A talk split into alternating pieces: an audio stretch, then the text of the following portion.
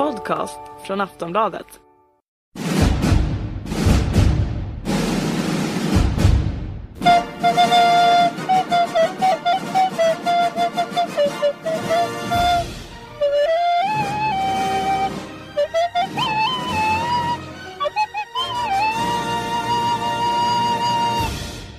Podden är tillbaka. För att citera en av eh, de stora tänkarna i, i eh, svenskt kulturliv, Linda Bengtzing, som eh, i sin tur citerade Thomas Ledin när hon hade börjat dejta Magnus Hedman. Vi är på gång, vi är laddade, vi är tända. Visst är vi det Kentari? Ja, då alltid. Ja. Du har kommit tillbaka från en vecka med, med norska landslaget och det ska vi ju snacka och en, en, en gourmetmiddag eller i alla fall en sen sittning eller kopiösa mängder vin, jag vet inte vad, tillsammans med Gunnar Blombeck. Det ligger väl lite sanning i vad du, vad du säger. Vi kan ju ta upp det senare här. Ja, ja vi kommer rätt så snabbt till det. Ja. Eh, och på tal om Gunnar Blombeck så tänker man Skövde och då tänker man också lika mycket eh, på Magnus Frisk. Skövde HF som är dagens gäst. Välkommen Magnus! Ja, tack så du ha. Eh, vi återkommer till dig också, nu är det mycket vi ska återkomma till. Men vi kör lite sådär, jag och, och, och Kentari, Magnus får gärna komma med inspel om du känner för det. Innan vi eh, fördjupar oss i, i, din historia och dina tankar och, och um, handbollen. Du är väl, det känns som du är handboll inifrån och ut då. Ja då, okej okay, jag eh, kanske eh, bryter. Vi får se. Ja.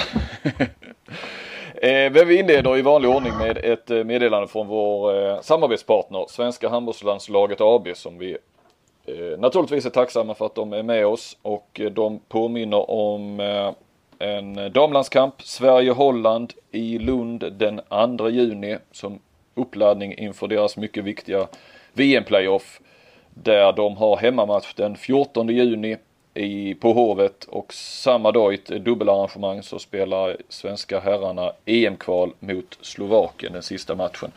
Och då ska väl ändå Sverige definitivt vara klara, jag tänker på herrarna, för, för EM förstås. Medan eh, damerna inte är det och eh, det ska bli riktigt spännande med, med VM-playoff där. Vad är, du, på tal om eh, EM-kval och VM-playoff så har det varit EM-kval med Norge Kentari. Det är därför du har varit iväg. Jag har varit iväg, ja. Jag har varit iväg eh, åtta, nio dagar blev det väl sammanlagt. Ja, då har du hemlängtan rätt snabbt där. Jag hade faktiskt hemlängtan de sista dagarna. Ja. Eh, men, men det var ju framförallt till golfen och, och cykeln som jag, som jag längtade till. Lyssnar inte din fru på den här podden eller? Nej, jag tror aldrig hon har lyssnat på det. Nej, nej. Det är som min sambo också. Hon lyssnar inte. Det är, sam, det är samma med min fru. Ja. Ja. De, de lyssnar inte på oss längre överhuvudtaget. Nej, nej. Nej. Eh, men jag hörde någonting om att du åkte en dag tidigare till Norge än vad du behövde egentligen. Ja, det stämmer. Jag passade på att träffa en gammal kompis till mig, Gunnar Blombeck, som, som jag tror att Magnus också känner ganska väl. Eh, han bor i Stavanger och tränar Viking Stavanger. Så jag, jag blev uppbjuden till honom då en dag innan och eh, eh, han mötte mig på flygplatsen då men jag, jag hittade inte honom förrän jag hörde hans eh, karaktäristiska stämma lite längre bort och då såg jag en, en man som jag knappast kände igen. Jaså? Ja, det var en man då med röda byxor och så hade han då eh, eh, långt tillbaka kammat hår. Han såg ut som en riktig rockstjärna. Ja, fan. Eh, och det var alltså Gunnar Blombeck som dök upp där. Ja, det, nej, det, det, jag kan inte se honom framför mig. Nej, jag, jag kände knappast igen honom men som tur var så känner man igen hans röst. Ja. Det, det gör väl alla. Ja. Men det var trevligt. Vi åkte hem då till honom och eh, eh, så satte han på tvn direkt faktiskt. Och, eh, och, och då var det ungefär två minuter kvar av den här spännande semifinalen mellan eh, Skövde och Sävehof, den första matchen. Mm. Och, och han blev ju helt tagen av det här. Jag fick ingen kontakt med honom. Han gick in i en riktig bubbla så jag förstod ju hur pass mycket det här med Skövde betyder för honom. Ja. Eh, Så han var ganska glad då när, när Skövde lyckades vinna den här matchen till slut. ja, det förstår jag. Det förstår jag. Han är, han är fortfarande Skövde-kille. Ja, och sen eh, han skryter alltid, vi har ju rätt mycket telefonkontakt så va, och han berättar alltid om sina fantastiska middagar som han lagar till och sådär och jag blev bjuden på en sån här riktigt eh, härlig trerättersmiddag. Ja. Det var någon, med, någon förrätt med räkor, sen var det torsk och, och rött vin där till och sen var det glass med frukt. Ja, Men, mycket eh, fisk och skaldjur, ni var i Norge, ja det var väl Ja, precis. Va? Och, och det här med bra kock, det vet jag inte riktigt därför att det tunga jobbet det gjorde ju hans eh, käraste som man säger i Norge, Jane. Det var hon som gjorde mest där. Han hoppade bara in ett par minuter när, när eh, såsen skulle kryddas. Så, så att jag vet ännu inte vem det är som står för maten där.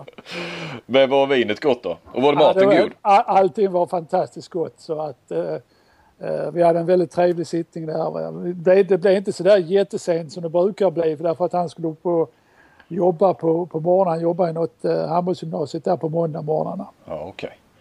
Va, va, hur, hur långt går er gemensamma historia tillbaka då? Alltså när, när och hur lärde ni känna varandra? Jag och Blombeck. Mm. Ja, det är många år sedan. Alltså, vi har känt varandra väldigt många år och eh, vi, vi, vi drog ju alltid på de här stora mästerskapen ihop och hade väldigt trevligt. Ja, ni var väl VM 90 va? Var ni väl tillsammans till exempel? Ja, det var vi nog. Va? Vi följde ju alla mästerskapen tid och, och, och det var ju bra på den tiden för då låg mästerskapen alltid i maj. Då var ju säsongen slut. Mm. Så, så, så man kunde ju slappna av riktigt och sådär. Nej, vi har väldigt bra, eh, vi är väldigt bra kompisar kan man säga. Mm. Ehm, och sen var det lite, du fick jobba lite också. Göra själv för din, din ja, Ja, saftiga lön. jag måste ju berätta det här också. Det var, det var ju kul en gång. När jag var ju i Norge, i Drammen då när Blombeck kom dit till Viking eh, ett år senare eller sådär. Ja. Och då ringde jag ju, då hade jag lärt mig lite norska. Så jag ringde Blombeck då när han kom och, och föreställde mig som en, eh, en norsk journalist från VG. Och jag ställde ju bara några frågor. Sen, sen, sen går det ju automatiskt när Gunnar kommer igång. För han pratar, pratar, pratar. Och så vet jag att jag avslutar med att här, ja men nu när du har kommit Gunnar så, så, så blir det väl eh, serieguld och, och guld med allting här. Och då börjar han fatta, vad fan. Eh. Så det, det var rätt kul men han höll nog på en timme och pratade med den här journalisten. Ja, underbart. Eh, ja, men som sagt, du, eh, ja, du har sagt många historier om Blombeck. Eh, En del kan, kan berättas, en del kan inte berättas. nej, inte i det här off- offentliga sammanhanget. Nej. Men jag försöker leda in dig på ditt jobb, men du, du verkar inte så pigg på det. Men, men jag försöker igen. Eh, Ja okej, vad, vad, vad var din fråga? sen fick du jobba lite. Det var inte bara Blombeck som skulle upp och jobba. Du jobbade lite sen i veckan där ja. Ja, ja sen var Eller jag med- jobbade och jobbade, men du var där kring Jag var där och stöttade min, eh, mitt tränarteam som förresten gjorde en, eh, en riktigt bra arbete den här veckan. Ja, Eh, Ja, det var, det var, det var kul därför det, det, det var ju första matchen då i Stavanger på onsdagen och, och, och vi spelade då i, i Vikings eh, ishockeylags hall. En jättefin arena, nog den bästa arena jag har sett i, i Norge någon gång. Och den var fullsatt, var väl en 5000. Så en otrolig inramning hade man skapat här i Stavanger. Och eh, sen blev det ju ännu bättre när, när Norge vann den här matchen eh, efter ett fan, mot Kroatien ska vi säga. Ja, mot Kroatien. Det är ju, det är ju ett av de tre, fyra bästa länderna i, i världen. Så, så att det här var en väldigt bra skalp för Norge. Och framförallt därför att man har ju varit väldigt nära många gånger men det var länge sedan man, man besegrade en riktigt sån här stor nation. Mm. Så det var ett riktigt lyft kan man säga. Och eh, ja, sen åkte vi till Kroatien. Eh, till en stad som heter Varastin, om jag uttalar det Varastin. Det, där var jag ju på dam-EM. Sverige spelade första Okej, där. ja, men då vet du, du känner till hallen. Det är en fin, fin hall den också faktiskt. Ja, den byggdes ju. De hade ju VM 2009 hade de en grupp där också. Ja, okej. en, eh, Ja. Det var en, eh, en liten eh, stad men eh, gillade den. Gillade den mer än vad man gillade Doha till exempel i, Qatar och sådär. Jag vet Ja. inte, det, blev, det, ja, det var så enkelt och, och behändigt allting där. Ja. ja, den ligger ungefär 80 kilometer från Zagreb. Ja precis, precis. Eh, ja, i alla fall så spelade de andra matchen där och eh, var, gjorde en väldigt bra första halvlek och ledde faktiskt med 17-16 i, i, i halvlek. Eh, men tappade sen eh, i andra så vi förlorade med 31-25 tror jag det blev. Eh, lite då beroende på att jag tycker att Dumjak framförallt han höjde sig och så drog han med sig de andra Vorro, Kopjak och Supic och så vidare. Men det var framförallt Dumjak som, som höjde sig väsentligt i andra halvlek. Eh, för jag förstod ju i halvlek så var det mycket gnäll på varandra och så vidare. Så, så jag förstår att de hade rätt stor press på sig och, och vinna den här matchen. Ny förbundskapten också. Nu har jag tappat Ja. namnet här efter Golosa. Ja, Babak eller något sånt där. Ja, jag, kan inte, jag kommer inte heller ihåg det. riktigt. Hade de förlorat hemmamatchen hade han kanske rykt direkt där. Ja, då hade nog Han fått en vecka på jobbet liksom. Ja, ja. Men eh, i den här matchen så saknar i Norge också Bjarte Myrhold, de var inte med, eh, lite småskadad och Sander Sagosen som, som gjorde en riktigt bra första match i, i Stavanger. Så man saknar ju de två och då hade man inte riktigt de alternativen så, som krävs för, för att vinna mot Kroatien borta. Nej, nej. Men eh, EM är nära. Vi kommer att spela in podd i Polen i januari va? Ja, absolut. Ja. Det, det kan jag inte säga att man ska kunna missa nu. Det var ett bra, bra utgångsläge. Ja, och det är precis som Sverige har. Det är ju med ett och ett halvt ben i EM får man väl säga. Efter eh, tre poäng mot Slovenien. Ja. Jag ska, jag ska säga, jag satt och pratade, jag och pratade lite grann med Vorri där nere. Jag har aldrig fått en stark kontakt med honom tidigare men väldigt trevligt eh, att sitta och prata med honom. Ja, ni kunde snacka tyska va? Ja, vi pratar tyska för han har ju varit i Hamburg. nu. Ja, jag försökte prata engelska med honom nämligen på VM och det var inte alls pigg på. Men eh, Nej, nej, nej, han pratar bra tyska. Så jag frågade honom då direkt, eh, vad ska du göra nästa år? Så tittade han lite oförstående på mig. För jag, jag tycker jag har haft en nedgående trend nu de sista, sista åren egentligen. ja. Eh, däremot ska jag säga att han gjorde en riktigt bra andra halvlek här, här nere mot, mot Norge. Men då tittade han på mig oförstående och sa ja, ja, ja, jag har två år kontrakt kvar i Paris. Och det innebär, han är ju 35 nu och han spelar till 37 och med det han har visat sista tiden så, så var man ju lite tveksam. ja. Men så i stort sett bekräftar han också att till nästa säsong så kommer båda eh, bröderna Karabatic och eh, Noka Sederucic kommer dit. Ja. Eh, Även om inte det är riktigt officiellt ännu så, så, så är det tydligen klart. ja, nu är det ju det. Du släppte Ja. ju bomben här nu. Nu släppte jag bomben. Eh, det, det är väl en rättegång där i sommar mot Ja. Mm. bröderna Karabatic som kan sätta stopp för det hela. Ja, precis. Men intressant med Nocca tillbaka på, eh, på den nivån också. Då, det har ju varit lite så att, att de har en för dålig tränare har det väl hetat lite grann PSG. Ja, men Nocca har ju slitit lite grann. Han har Ja. tränat ett eh, franskt lag den här säsongen Mm. och de har inte lyckats sådär väldigt bra. Men det är klart, han behöver lite längre tid på sig. Och kanske lite bättre spelare. Ja, och, och jag menar han och Karabatic förenade då igen. Det känns ju, känns ju Ja, det, intressant. det låter spännande. Det Ja. låter spännande. Ja. Eh, ja, och Sverige där, då kollade du inte, så du, kunde du inte se Sverige någonting? Nej. Nej, tyvärr. Jag missar ju båda de matcherna. Jag Men jag lä läste lite, även om internet var dåligt nere på det här kroatiska hotellet, så fick jag ju med mig att i första matchen hade ju eh, Ystad-bekantingen Jim Gottfriedsen gjort en riktigt fantastisk match vad jag förstår. Ja, det var, eh, var bland de mer imponerande halvlekarna. Framförallt första halvlek som, som jag har sett en, en landslagsspelare. Det, jag menar, det var inte Slovakien eller Lettland, det var ju faktiskt Slovenien. Även om Slovenien var sådär lite klassiskt Balkan på bortaplan.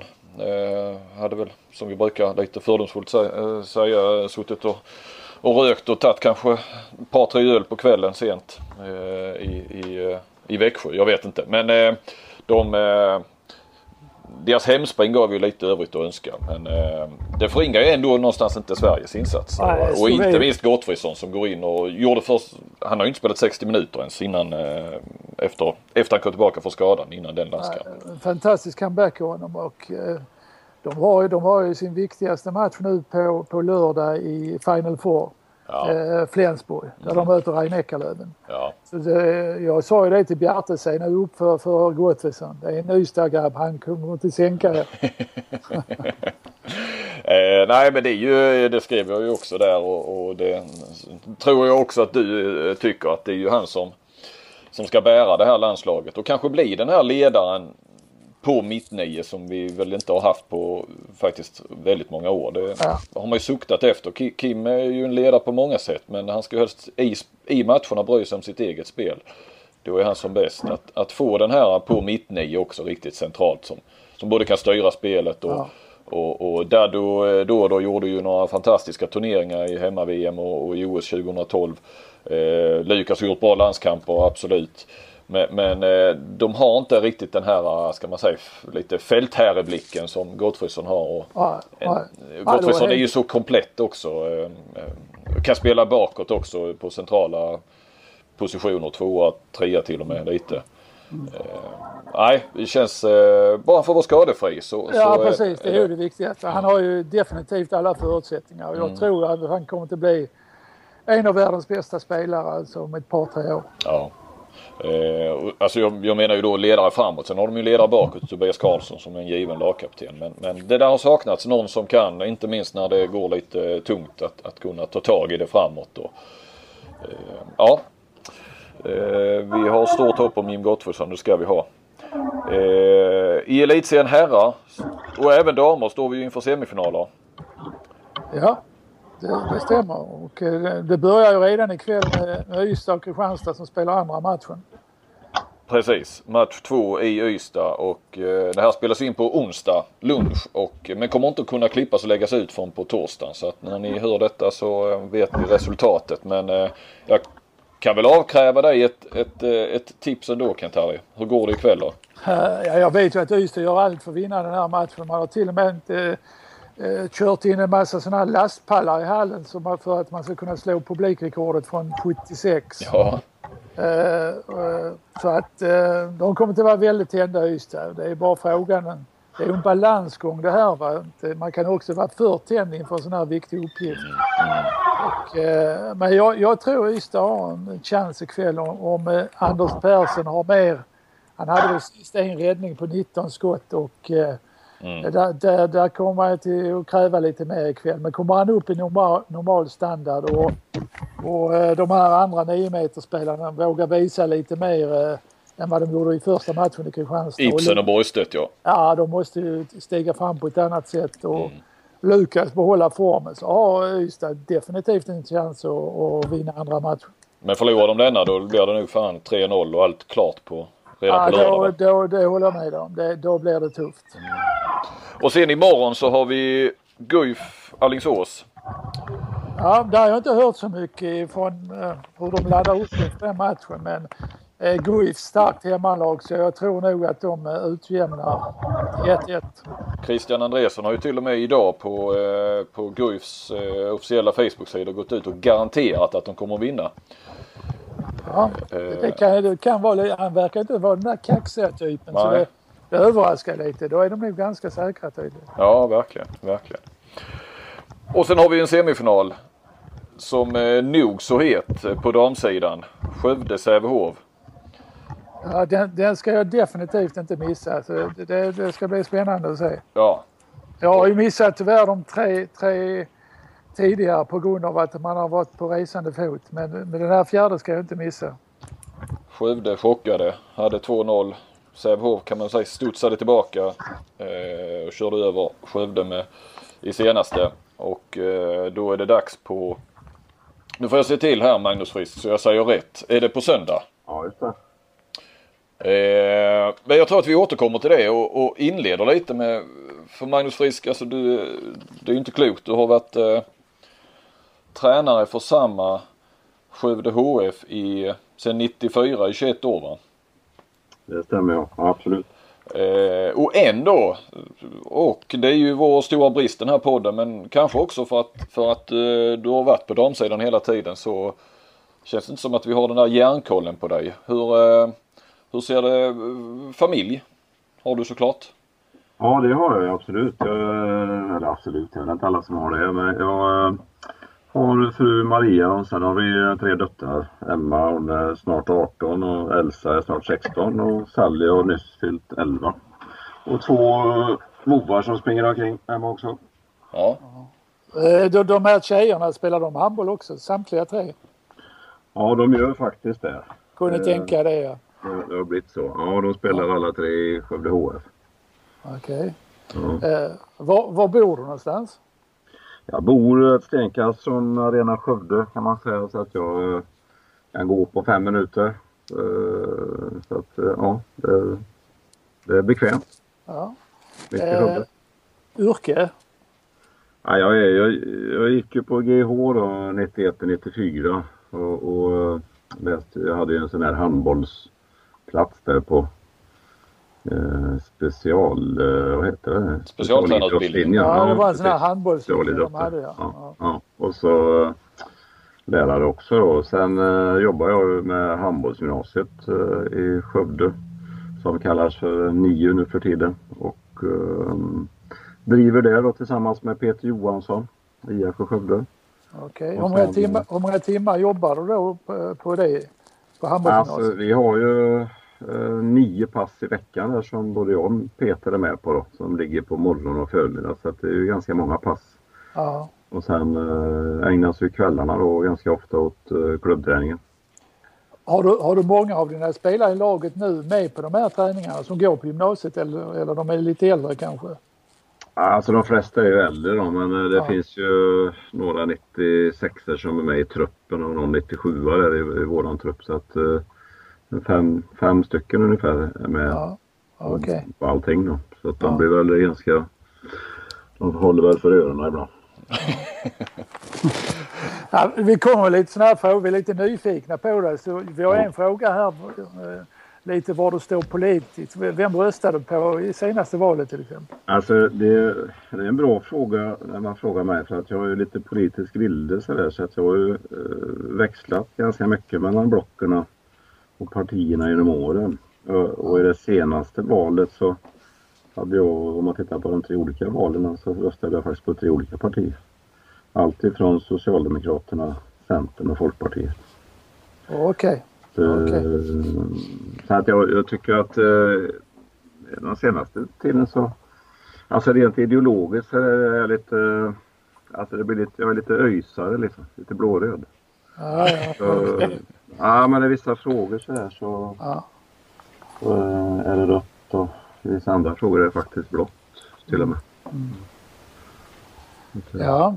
Vi är väldigt eh, upptagna av vad, våra gäster läser för böcker. Har, har Ja. du något bra att rekommendera? Bästa bok som du har läst? Alltså jag, jag fastnar ju lite grann för de här, alltså jag har några eh, bokserier då som jag har läst. Och en är ju, alltså två stycken serier som jag fastnade vid och var tvungen att köpa nästa bok. Och så. Det var ju eh, Conny Gulden he- heter en författare som har skrivit en eh, böcker om eh, Genghis Khan och Kublai Khan.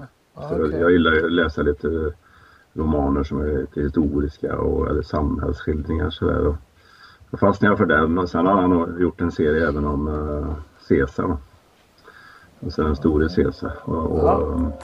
Så de två plus att jag, eh, alltså, jag lä- läser ju en del sådana här eh, Underbara dagar framför oss exempelvis Olof Palme, biografin över den tycker jag är en kanonbra bok. Eh, man vill Jag vill gärna ha lite fakta och lite, lite sanningar i den här boken. Du lä, läser inte så mycket om eh, så här ledarskap och sådana böcker? Jo, men det gör jag. Absolut. Ja, ja. Det är väl... Jag träffar jag ju på lite sådär... eh, och som jag har läst ganska mycket och använder mig utav det är eh, Terry Orlick. Eh, Framgångshjulet eller ja. som det kallas också på svenska. Man eh, har utarbetat. Så det kan jag rekommendera. Det ja, ja vad bra. Vad bra. Terry Orlick. Men då kör vi bästa film också när vi är igång. Ja, alltså det, ja, oj, oj, oj. Det är fantastiskt svårt att välja. Men jag, alltså, ja, okej. Alltså när jag var liten så såg jag mycket på såna här, um, uh, Lassie. ja lite såna här, nej inte, Lassie såg jag ju. Den grät jag ju efteråt. Men så, det kanske inte var någon bra film. Men du vet att de här Robin Hood-filmerna, Ja, ja, ja, olika, eh, till och med med Errol Flynn i huvudrollen. Ja, Eh, vi kan väl ta den, för det är inte många som känner till den, så kan man leta ja, efter den. jag, jag har sett samtliga de gamla Robin Ja. Hood-filmerna, det kan jag lova dig. Katarina, du, måste, du gick väl på premiären? På, Nej, på, men det med var ju- Errol Flynn eller? Det var ju matiné, det kostade 75, 75 öre så man 25 öre över till en sån där tablettask Emser. Så man, Ja. fick, man fick en krona med sig till matinén och då, Ja. det, det var mycket Robin Hood. Ja, ja men alltså det, det var ju känsla den där. Man, man kan liksom riktigt ta på den där känslan man hade när Ja. man gick in på bio. Ja. Och sen gick man hem och lekte Robin Hood efter filmen. Faktiskt. Ja, Ja, vi är ju nästan samma generation även om Ja, jag är lite visst. äldre. ja. Par år. Men jag menar det är inte... Det är ju faktiskt så. Jag tror att vi har mer gemensamt i de alltså filmer så. än Ja. Kanske de som tittar idag. Men de, de har inte riktigt den här biokänslan kvar. Tror jag inte. Eh, har du något sånt där bästa handbollsminne? Du har naturligtvis många minnen och bra minnen men, men det allra bästa, vilket är det? Alltså det bästa självupplevda, det, det finns ju ett par olika. Och det, alltså, jag tycker att det eh, när eh, IFK Skövde gick upp i elitserien tycker jag är ett eh, härligt minne. Uh, och sen är det även uh, när Skövde HF uh, avancerar upp till elitserien. SM-guld med Skövde HF. Så det, sen, det är de här stora grejerna som är ganska lätta eh, liksom, att ta till. Men egentligen kanske det finns många andra små saker som är mer interna och lite roligare sådär. Faktiskt med, med känsla i. Men just eh, eh alltså barriärbrytande delar, det, det är de som kanske är de som man mest kommer ihåg känslomässigt. Sen har vi ju har ju genomlidit lite elitseriekval med IFK Skövde också som spelare och det är klart att det var inte, var inte riktigt lika kul då. Nej. Det, det, räk, det var, då var det på väg upp. Nu är IFK eventuellt på väg ner men vi hoppas ja. att det ska lösa sig till slut. Mm. Ja du, eh, när du pratade om det här bästa minne, du sa IFK Skövde, det, då var du spelare på den tiden ja? Ja. Vilket år var det? Vilket ja, det var 90 då. Avancerade upp 1990. Och så gick ni upp med Skövde HF 96 var det va? Ja, 96 ja. Mm. Ja, ja. Ja. Johan? Ja, eh, brukar du lyssna på den här podden eh, Magnus? Ja, jag har lyssnat på de flesta avsnitt. Ja, ja det var ju en samvetsfråga. Och, och, och, och, hela till och med. Ja, det, så att jag inte, det inte, jag Ryan Reynolds here from Mint Mobile. With the price of just about everything going up during inflation, we thought we'd bring our prices down. So to help us, we brought in a reverse auctioneer, which is apparently a thing. Mint Mobile unlimited premium wireless. Ready to get 30, 30, bit to get 30, bit to get 20, 20, 20, bit to get 20, 20, bit to get 15, 15, 15, 15 just 15 bucks a month. So, Give it a try at mintmobile.com/switch. slash $45 up front for 3 months plus taxes and fees. Promo for new customers for limited time. Unlimited more than 40 gigabytes per month slows. Full terms at mintmobile.com. aldrig brutit ett avsnitt. Jag tycker de är kul. När man börjar lyssna på det så blir man rätt intresserad. Ja, en del blir långa ibland. Ja, det, man kan ju dela upp det. Men jag brukar faktiskt göra så att jag, när jag går och lägger mig så kan man läsa en bok och man kan lyssna lite på någonting och då brukar jag välja podd, ja. poddradio då. Det är bra. Ja. Det här är väl ingen gurkburk? Eller? Ja, eh, vi kom in på spelarkarriären där, din egen. Eh, Magnus. Eh, du är en av 64orna.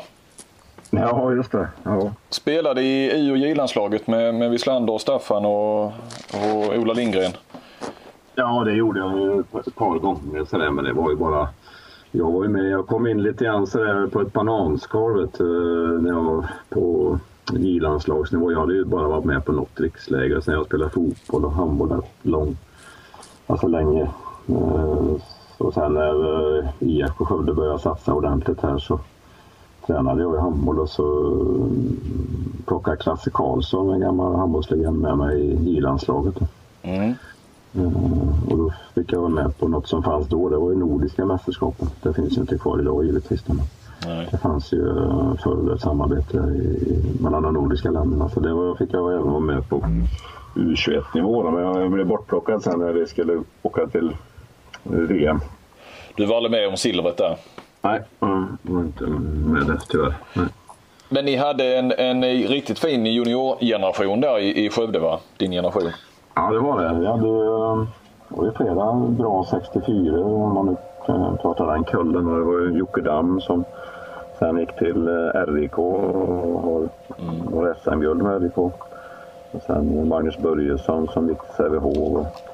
Även var tränare där ett tag. Och likadant Robert Wedberg som också var spelare och tränare där. Plus att han även har ett SM-guld som tränare med Alingsås ju. Ja. Att, uh, Inge Johansson va? Inge, och Inge, Bengt-Inge Johansson också då som har varit med mycket i IFK och var i Katrineholm ett tag där i elitserien också. Ja. Har du något minne då från de som kanske de flesta då känner till som lyssnar på den här podden? Jag tänker på, på Wislander och, och Staffan Olsson och Ola Lindgren och sådär. Något minne från den tiden när, när ni var unga? på något? Ja, det, har- alltså, det finns ju... Det är länge sedan. Det, oj, oj, oj. Det är ju... Ja, det är 30 år sedan och mer än det. Ja, det är. Alltså, ja, men minnen finns det. Men det är, alltså, det är ju det är ju mer karaktärerna som man minns. eh, Hur var de då? Var de då som de är idag? Eller? Ja, jag tycker att eh, de är rätt lika. Liksom. Alltså, Wislander är ju en sån där eh, snubbe som är social och, och, och märks. Men även ja, en riktig tävlingsmänniska, precis som vi i och för sig allihopa är på ett sånt ställe oftast. Men, men det är en sån där som, som syns och, och hörs och lite busig sådär. Va? Staffan var ju mer, alltså, lite mer lågmäld kanske tyckte jag. Så, alla var ju, alltså det var ju bra gubbar allihopa. Ola var ju lite mm, mer eh, man, tystlåten och eh, men ändå eh, kanske var mer så att man märkte honom på plan. Han var ju inte den, eh, alltså Magnus och Staffan var väl kanske lite mer talangfulla spelare känns det som. Ola var ju väldigt fysisk och, och eh, redan då är som en riktig krutgubbe sådär på plan. Mm. Johan Eklund var ju också med va? Ja, Johan var också med precis. Bekant i dagarna. Slutar efter 31 år i RIK som spelare och ledare. Ja, okej. Det visste jag inte. Ja, jo. Eh, men, men tillbaka där. Vilka, vilka var bäst i det där laget då? Då?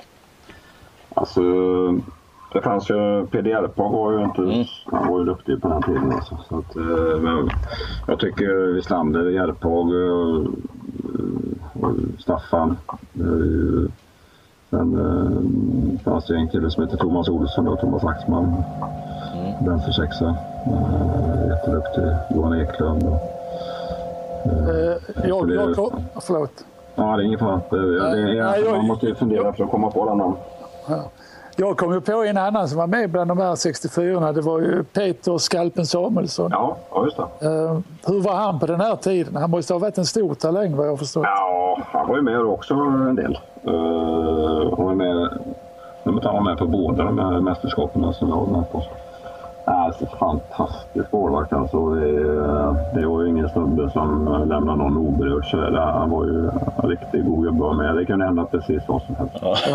Han Ja, hade fantastiska det- utkast va? Hade han inte det? Eller? Ja. Jo, jo, fantastiska utkast. oj. Han kunde ju dra liksom sittande från höften liksom. Det kunde gå 20 meter för långt. Liksom. Ja.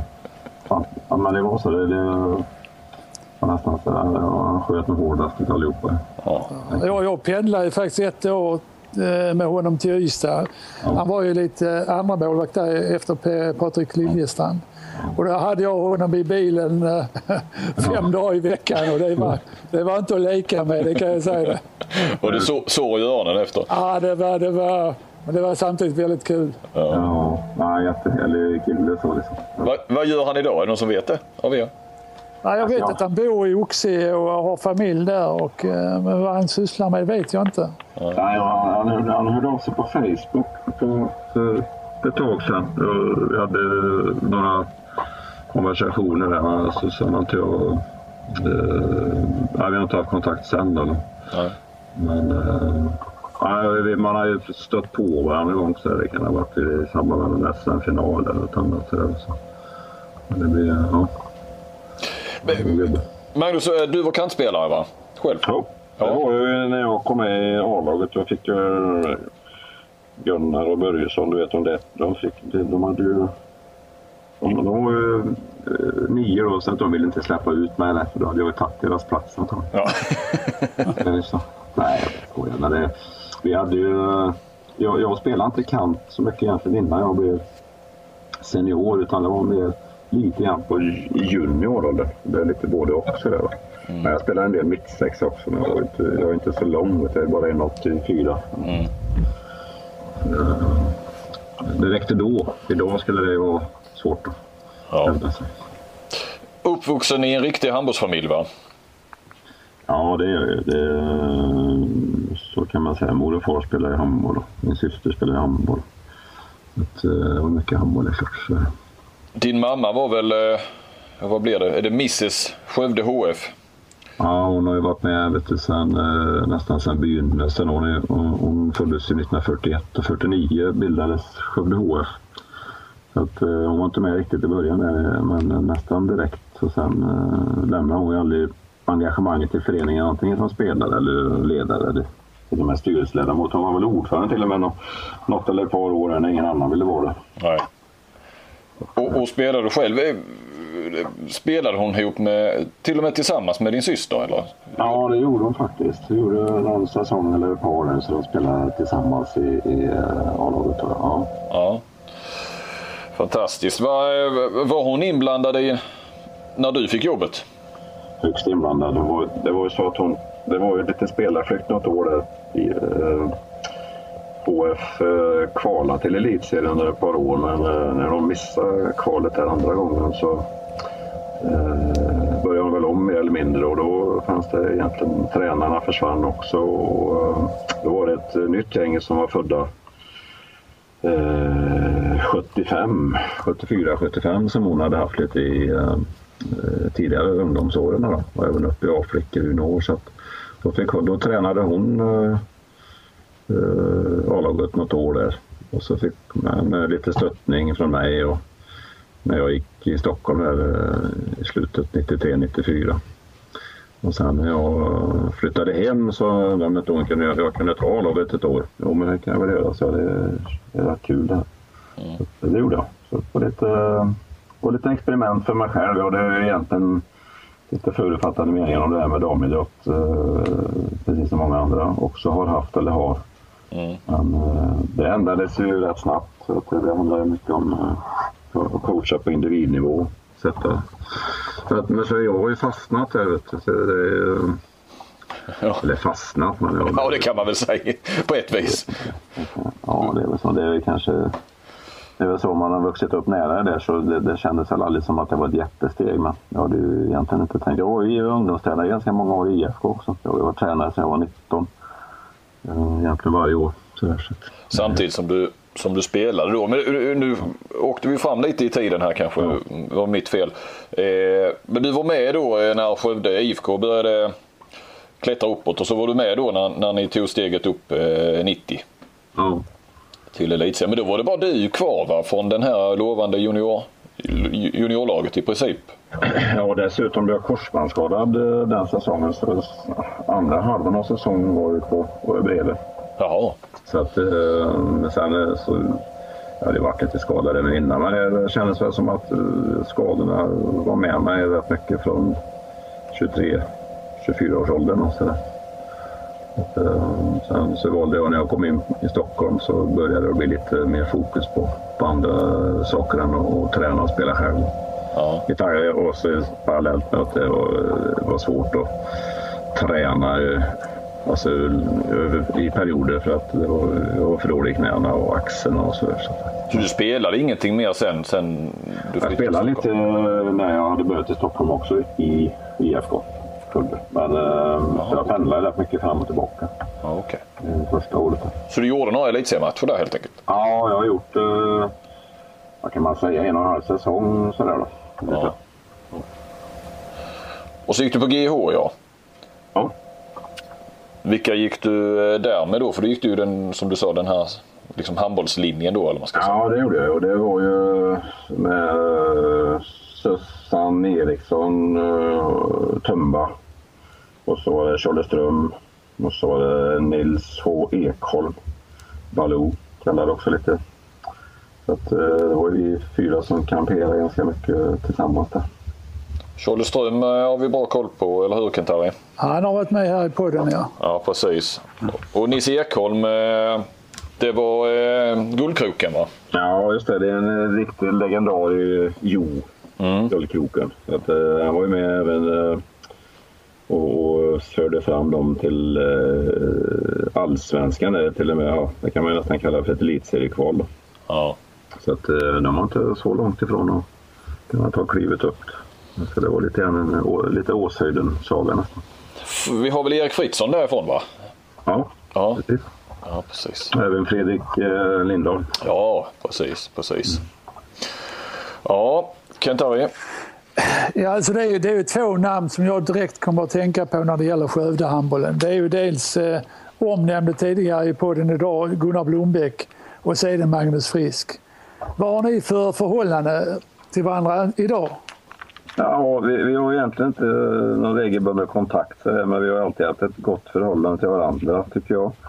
Och det, eh, när, när vi träffas så pratar vi ju länge och väl och det kan bli sent. Man kan sitta länge sådär. Alltså Gunnar och är ju... Alltså, ja, vi, vi är bra kompisar så. Ja. Sen har han ju både varit spelare med mig så att säga och varit tränare. Men det, det är lite... Man kan väl säga att det, det har varit lite mentorskap så det, delvis och sen har det varit även kompisar. Men i och med att det skiljer ändå tio år på oss så när jag kom med i A-laget så var Gunnar eh, spelare där och, och det var ju inte så att han, eh, han styrde och ställde och, och hade sina idéer så jag har lärt mig mycket dels utav honom och, och eh, tagit mycket intryck av honom är klart. Mm. Och man kan väl säga att det var han som, som byggde upp IFK Skövde och sen du i din tur byggde upp eh, Skövde HF på något sätt till att bli en elitlag, riktigt elitlag.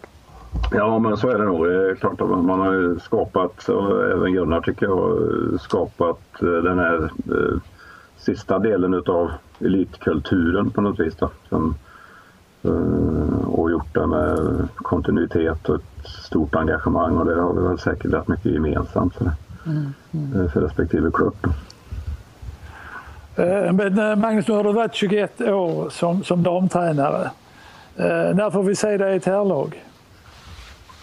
Ja, det vet man ju faktiskt inte riktigt. Alltså jag, vid några tillfällen så har det varit eh, nära och det, alltså, det kunde ju blivit så redan egentligen redan alltså, på 90-talet när jag hade varit ett par år i Skövde HF så, så eh, var jag faktiskt ganska nära att eh, skriva kontrakt med Team Tvis Holstebro i Danmark.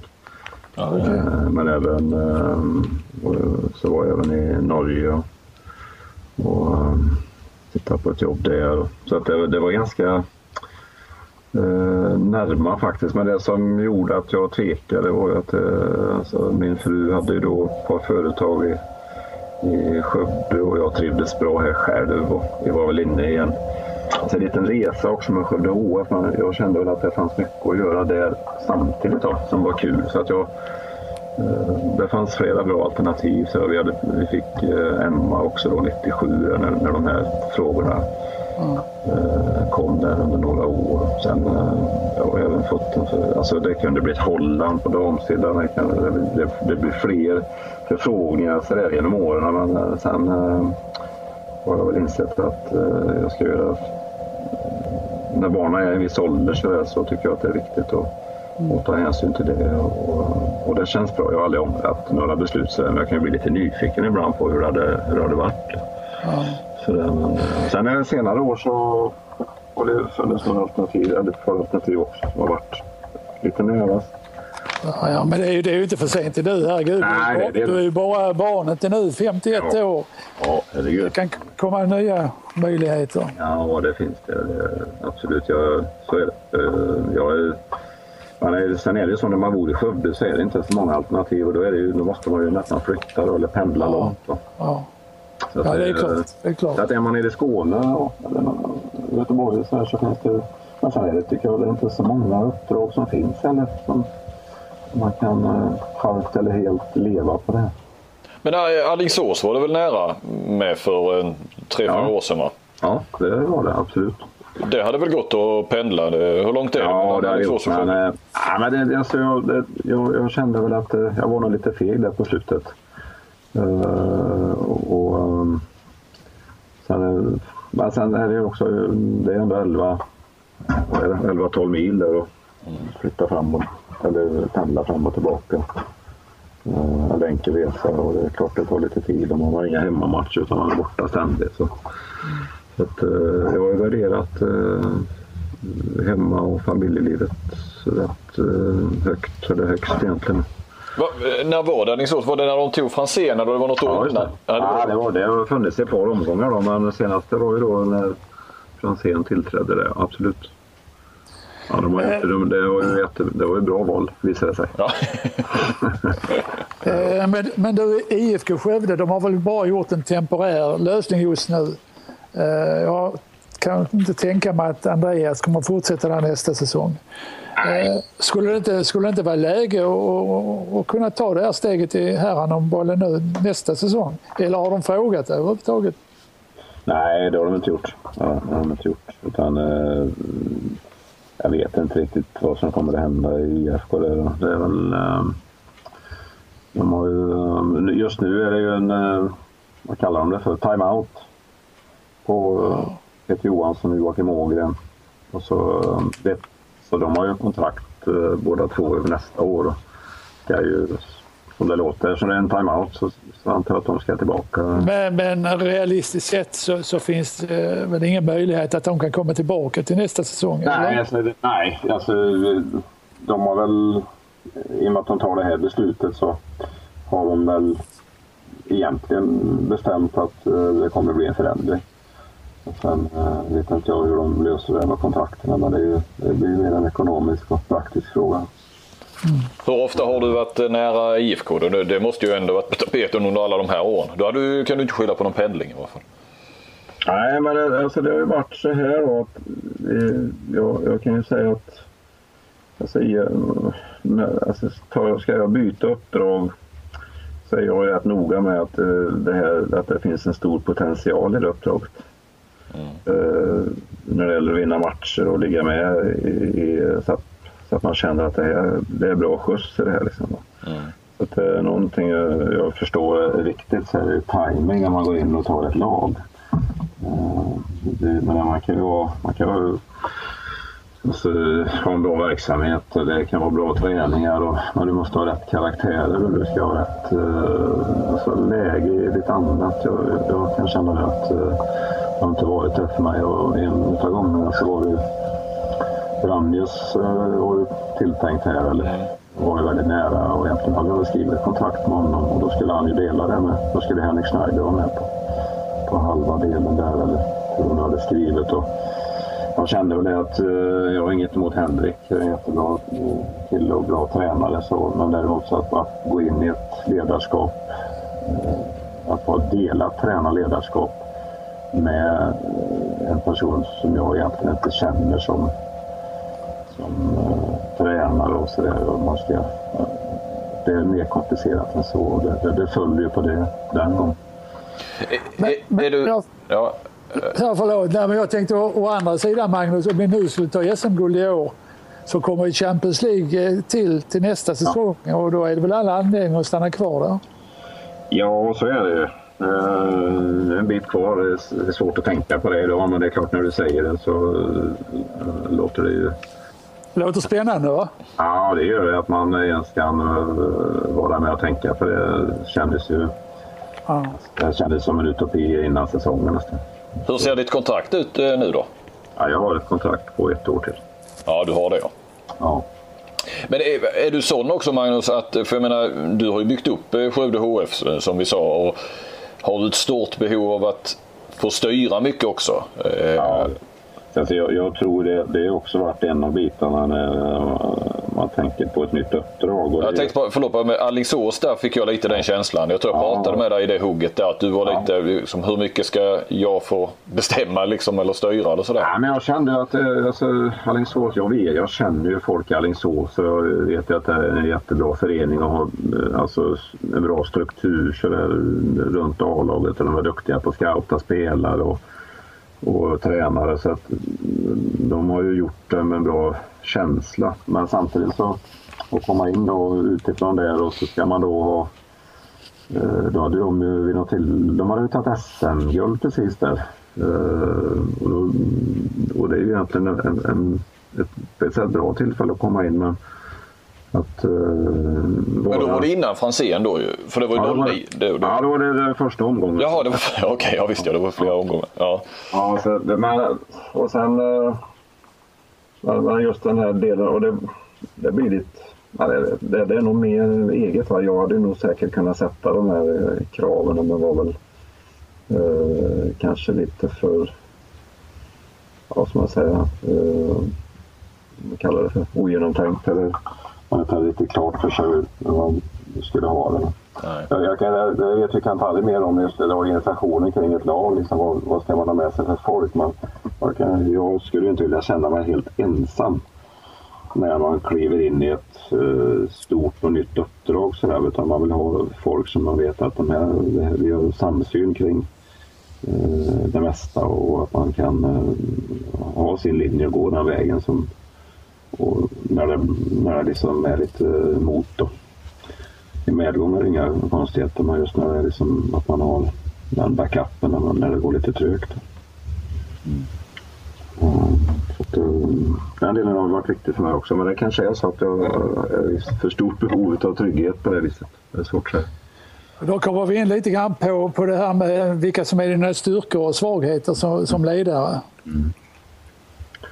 Vad tycker ja, men, du själv då? Ja, men alltså, jag, jag, jag, jag, tror i alla fall att jag har ganska stort tålamod med, med, med både det ena och det andra. Liksom med, med människor och, och äh, även äh, spel. Alltså att det, det, får ta lite tid.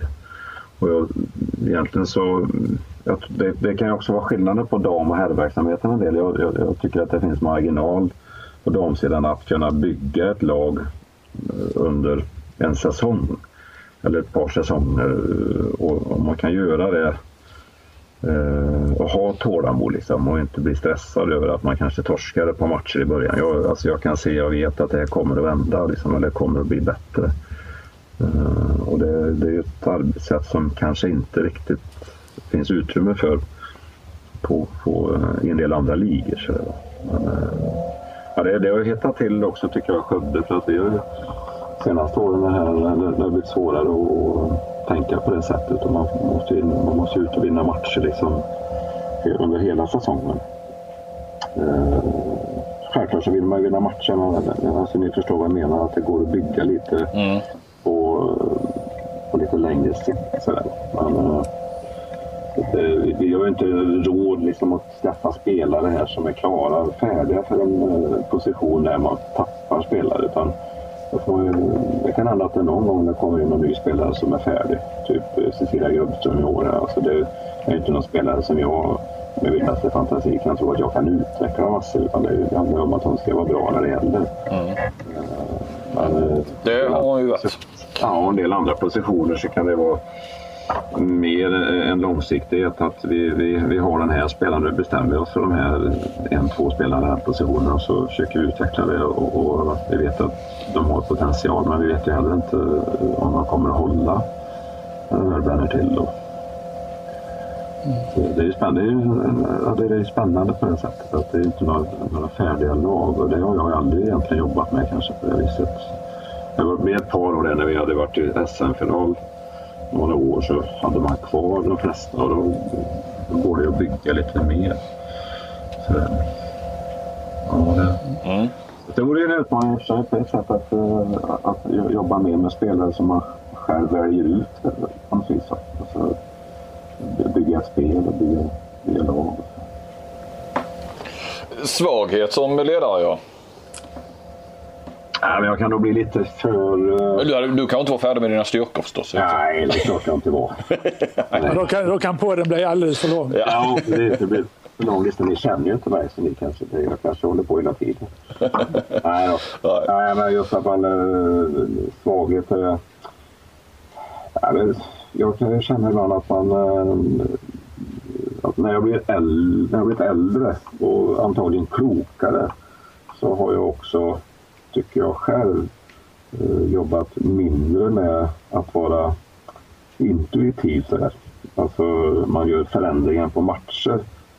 Eh, exempelvis. Så det, det var mycket mer förr, liksom, de första åren. Och det är ungefär som att man, mm, man lär sig lite mer. Man, eh, man bygger upp någonting under lång tid. Och så, man, alltså man jobbar ju mer med, tycker jag, lite dum, alltså man säger dum, om man lite ungdomlig intuition sådär. Som mm. kan sakna hos mig själv. Jag kan tänka, jag tänker tanken ibland men alltså, äh, nej, vi vill köpa det gamla vanliga liksom. Och så, äh, eller att hitta äh, sådana utmaningar i taktiken. Det, det tycker jag att det, och det är rätt kul med slutspel och sådana här matcher. Där är det ju lite mera utrymme när man alltså, möter ett lag i en serie matcher så är det ju eh, då, då, tycker jag själv att jag lär mig mycket mer om mig själv och spelarna lär sig mer. Vi får en mycket mer dialog om detaljer och sådär i, i spelet och det, det, det är utvecklande. Va?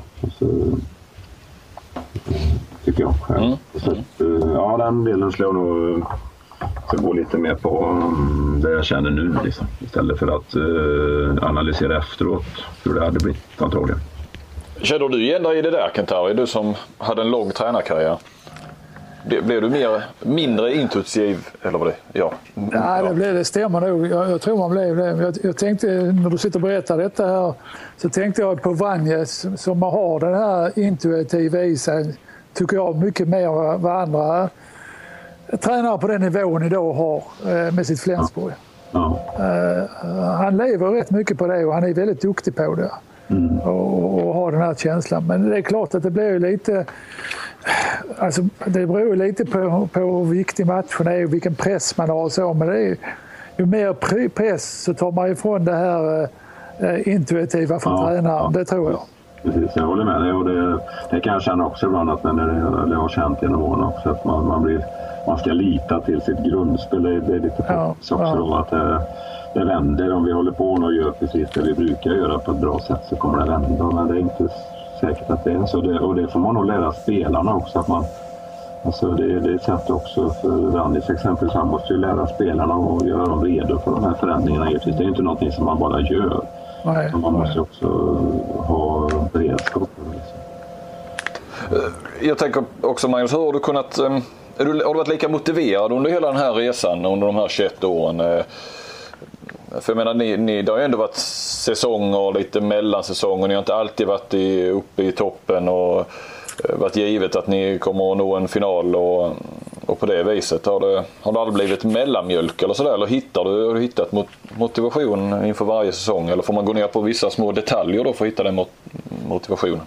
Ja, men det har nog rätt i. Alltså man, kan, man får lära sig att se eh, motivation i olika saker och se också vad som är rimligt att uppnå kanske i Eh, olika perioder med, med ett lag exempelvis. Men då får man gå in på spelaren mer kanske och också se att det blir det kommer betala sig längre fram. Men jag, ja, nej, men jag, jag kan inte känna att jag har haft motivationsbrist någon gång egentligen. Utan varje gång jag går till träning så tycker jag att jag, alltså, gör, jag har lustkänslor. Liksom. Jag ser, alltså, det är samma på skolan när man träffar spelare så, och ledare också. Så det, är, det är en ynnest i den här branschen att man faktiskt jobbar ganska mycket med folk som är motiverade och tycker att det är riktigt kul att gå till träning. Att, och det gör ju att man själv också är... Och sen, alltså den dagen som jag känner att nej, nu måste nog spelarna dra med mig lite grann. Hoppas jag spelarna är glada idag för jag är så jäkla trött och, och tråkig. Så, här, så då får man ju kliva av. Mm. Hittills så, så går det bra. Men alltså jag hittar ju motivation i det är nya spelare. Det är, det, alltså det är nya konstellationer och det, man tittar på handboll och man pratar med andra och så. så det, men det är, klart, det kan ju bli lite slentrian kanske på det sättet att det, eh, man behöver ju ha lite ja, nervositet och lite spänningskänslor. Så jag, alltså, då, då blir jag bättre. Mm. Det, det gäller ju att hitta små grejer i, i verksamheten. Men det är klart, jag, jag håller med. Jag förstår frågan för det kan vara svårt ibland. Mm. Har ni guckburk hemma? Du, du Magnus, du, du håller ju på mycket med handboll, både på handbollsgymnasiet och, och klubblaget. Och sen läser du rätt mycket litteratur har jag förstått. Finns det utrymme för, för någon annan hobby för dig? Alltså, jag, familjen är ju, det är, inte, det är kanske inte rätt ord med hobby. Oj, det var, det var nog tur att din fru inte lyssnade. Nej, jag tänkte inte det. Det, det är utan när man har lite alltså, kompisar och säger att jag måste vara barnvakt idag för jag kan inte. Liksom. Så man barnvakt åt sina egna barn. Mm. Nej, men uh, nej, hobby. Jag spelade ju golf en del. Jag har ju golfvägen kvar med klubbor och sådär. Men jag har inte spelat så mycket sista åren. Så golf är kul. Så det skulle man kunna ta upp. Jag, jag pratar lite golf ibland där i podden. Det blir man lite sugen. Jag brukar spela en del eh, på sommaren när man är på semester någonstans. Tar man några rundor sådär. Men, men då blir det lite mer ölgolf. Jag, jag kan ju berätta det att eh, nu sköt ju Johan på, på podden idag. Vi brukar spela in klockan nio på morgonen. Ja. Men nu blev det ju halv tolv och, och plötsligt hade jag ett par timmar ledigt här och då stack jag ut till golfklubben och, och slog en hundra bollar. Oj. Ja. Ja, ja. Nej, men jag säger golf är ju fantastiskt kul. Liksom. Det, det, är så mycket annat. Själva golfen är kul, men det, det finns utrymme för lite köp, lite psykningar, lite Ja, ja. Ja, en fin social sport. Ja, det är det faktiskt. Det är Okej. riktigt bra. Så, men det är väl det. Och sen har jag försökt att ta, jag tänkte ta upp träningen, min egen träning eh, i tio år snart igen. Jag, jag gillar jag, ja, Nej, men jag träffade dig i Lund nu när ni spelade första, andra matchen var mot Lugi. Då så du ju fantastiskt eh, vältränad ut. ja, kan du säga det igen? Ja, men du hade inte fått någon mage och sådär. Nej, inte så farligt. Nej, men det, jag, ja, nej, jag får hålla igen, du vet. Ja, ja, det, Nej, men det, har nog, det är nog generna. Det är mycket eh, alla människor på farsans sida. Så att, eh, ja, de, okej. eh, nej, men just träning, det ska väl... eh, Ja, ska jag leva länge också så kanske jag går och motionera lite. Ja, det blir väldigt lite egen tid för, för träning. Men jag kan berätta för dig, som pensionär så får du tid med sådana här saker så det är någonting att se fram emot. Ja, jag har förstått att du cyklar en del. Och, det, det är. Ja, ja, ja, ja, ja. Jag ska ut och cykla nu efter... Först, först så ska jag faktiskt hämta eh, Evald Fredin. Det, det känner ju alla inom handboll och vet vem han är. Han har ett sommarboende här lite härifrån. Så jag ska ner och klippa hans gräsmatta. Eh, sen efter det så kommer, blir det en cykeltur. Men blir det inte gymmet idag? Du måste ju alltid vara på Nej, gymmet innan gymmet- tre för sen blir det dyrare för pensionärer. Nej, gymmet var igår. Gymmet Ja. var igår. Ja, okej. Ett eh, så kallat svinpass körde jag igår. Vad innebär det? Ja, det innebär en timme styrka och en timme spinning. Åh fy fasen. Ja, det är Det starkt. hade, du- det hade du inte hängt med Johan. Nej, det, det hade jag inte. Men det, vi återgår till, eh, nej, det, vi lämnar snabbt din eh, idoga träning där nu Kent. Fan, man blir, får ju dåligt samvete bara man hör dig. Eh, det här med Twitter Magnus. Ja. Det verkar ju vara eh, din grej. Du hade, ett stort, du hade st- stor tro på, på Twitter får jag känslan av i oktober 2012. För då twittrade du Ny, nyfiken på nästa FK förbundskapten då. Undrar vilka som sökt uppdraget. Har inte sett någon annons. Verkar vara en högoddsare. Därefter gick det två år till i höstas där. Då, då kom andra tweeten, vilket var en retweet då från eh, där förbundets hemsida hade pratat med Mikaela Ek som är en av dina spelare. ja, just det. Eh, du trodde det här att Twitter, det, det, där kan man få saker och ting att hända och så blev du besviken och du blev aldrig förbundskapten och så jag du ner allt. jag, jag, Det var nog mer tekniskt att jag skulle göra någonting som, som gjorde att jag skulle förstå hur det gick till. Så där, liksom. men, eh, så att jag, men alltså, den, eh, det var ju i den vevan givetvis då innan eh, förbundskaptenstillsättningen hade gjorts. Ja, det var när Per Johansson lämnade jag. Och, Ja, just det. Så var det. Precis. Ja, det var det. Mm. Nej, men det var väl... nej, jag vet inte varför. Det, det var nog bara en tillfällighet att det, kom en eh, sån här tweet då. Mm. Men eh, nej, så jag är ingen riktigt sån... Eh, jag håller inte på jättemycket med den här... Social media. nej, det är det inte. Jag är inne och tittar ibland. Men jag, jag förstår ju att det finns ju värden med det som är ganska bra. Eller, eller vad ska man säga? Man kan ju få saker och ting eh, skrivna och locka lite intresse. Och sen, Mm. Ja, ja, det finns avarter där på Twitter också. ja, En, en ton som inte alltid är så trevlig. Nej, men det, så jag har alltid varit förvånad över att... Jag vet inte, men, men jag tycker att man... Det finns ju många arbeten och jobb som man eh, söker via annons och att, eh, sådär, men det verkar som att man aldrig eh, inom idrottskretsar och när det gäller tillsättande av tränare, det är väldigt lite eh, frågor allmänt vem som vill ha jobbet. Mm. Eh, Det skulle bli rätt intressant om, om man eh, la ut en annons på en förbundskapten och så vilka vill ha det här jobbet. Mm. Och se vilka som söker. Ja, och se vilka som söker och varför de söker och vad de tycker själva att de kan bidra med. Det, det där hösten då när det, när det stod och vägde då vem det skulle bli så gjorde jag en artikel, jag är ganska säker på om jag minns rätt, att det var då. Eh, och frågade tror jag samtliga eh, tränare på, i damernas elitserie eh, vem de ville se och eh, du fick ju överlägset flest röster där.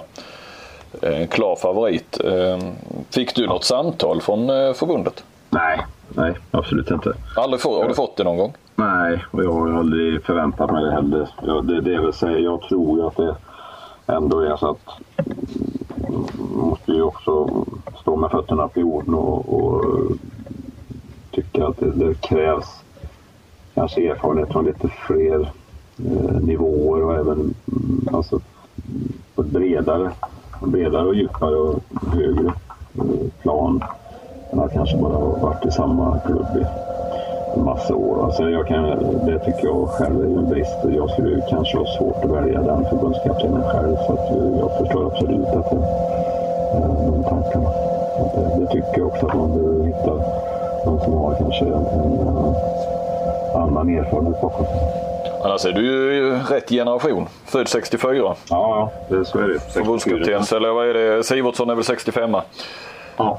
Eh, men det är ju samma generation. Vad säger du om, om valet av eh, Sivertsson och, och Thomsen?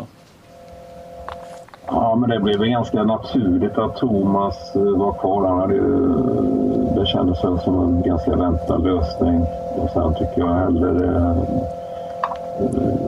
ett intressant och, och kul val, tycker jag. Mm. Med lite mer nya influenser och att det finns också en verkar finnas en bra tro på och den här lösningen bland spelarna. Mm. Det är också viktigt. Mm. Jag, jag, tror att det äh, ger mer äh, vibrationer så att säga och den, den, här lösningen. Jag tror att det är bra med två stycken också som samverkar. Mm. Mm. Så att en, en, en tjej spelar väl egentligen ingen roll utan det ska vara två som man tror är kompetenta nog för att sköta det. Men det var länge sedan eh, förbundet tog en, en eh, förbundskapten på damsidan från, som har varit eh, tränare i elitserien på, på damsidan. Ja, man undrar hur många guld Sverige hade haft i mästerskapen om man hade gjort det. Vad tror ni? Ja, det är det som är skillnaden. Nej då. Nej, men det, kan du som varit med i så många år, är det, är det någon du tycker som borde ha fått chansen? Ja, du menar som har mer varit på damsidan som tränare? Ja, för det har ju inte de Jag kan inte riktigt eh, sen längre tillbaka. Jag vet inte vad Rydde på damsidan innan. Ja, Rydde, ja, Rydde har ju varit mycket på damsidan. Han är väl den... Kan det vara så att han är den senaste, om man renodlade damtränare om man kallar det så. Det har ju varit på här sidan lite också men just när han eh, tillträdde så, så var han väl tränare för... Ja, för sen var det ju Schäfert och det var Per Johansson. Ja. Ja. Klingvall och Sivertsson och ja, Thomsen har ju varit men det har inte varit eh, svenska elitserien utan det har ju varit på, på det. Ja, men det är en, en brist har väl varit, tror jag, att man inte har känt till alla spelare. Alltså det, det är ju en jättebrist. Det kan mm. jag tycka att det, det skulle man kunna lösa på ett mycket smidigare och bättre sätt. Eh, att koppla på folk som kan eh, karaktärerna och, och de som kan vara aktuella. Sen kan man ju tro att man kan undersöka det ganska snabbt genom att titta på video och sådär. Men jag tror att man underskattar den delen utav eh, ja, he hela damsidan om man kallar det. Alltså det är inte så lätt att, att, att ha koll på alla spelare. Men det behöver man ha liksom i de två högsta ligorna kanske och, och både på sikt och just nu.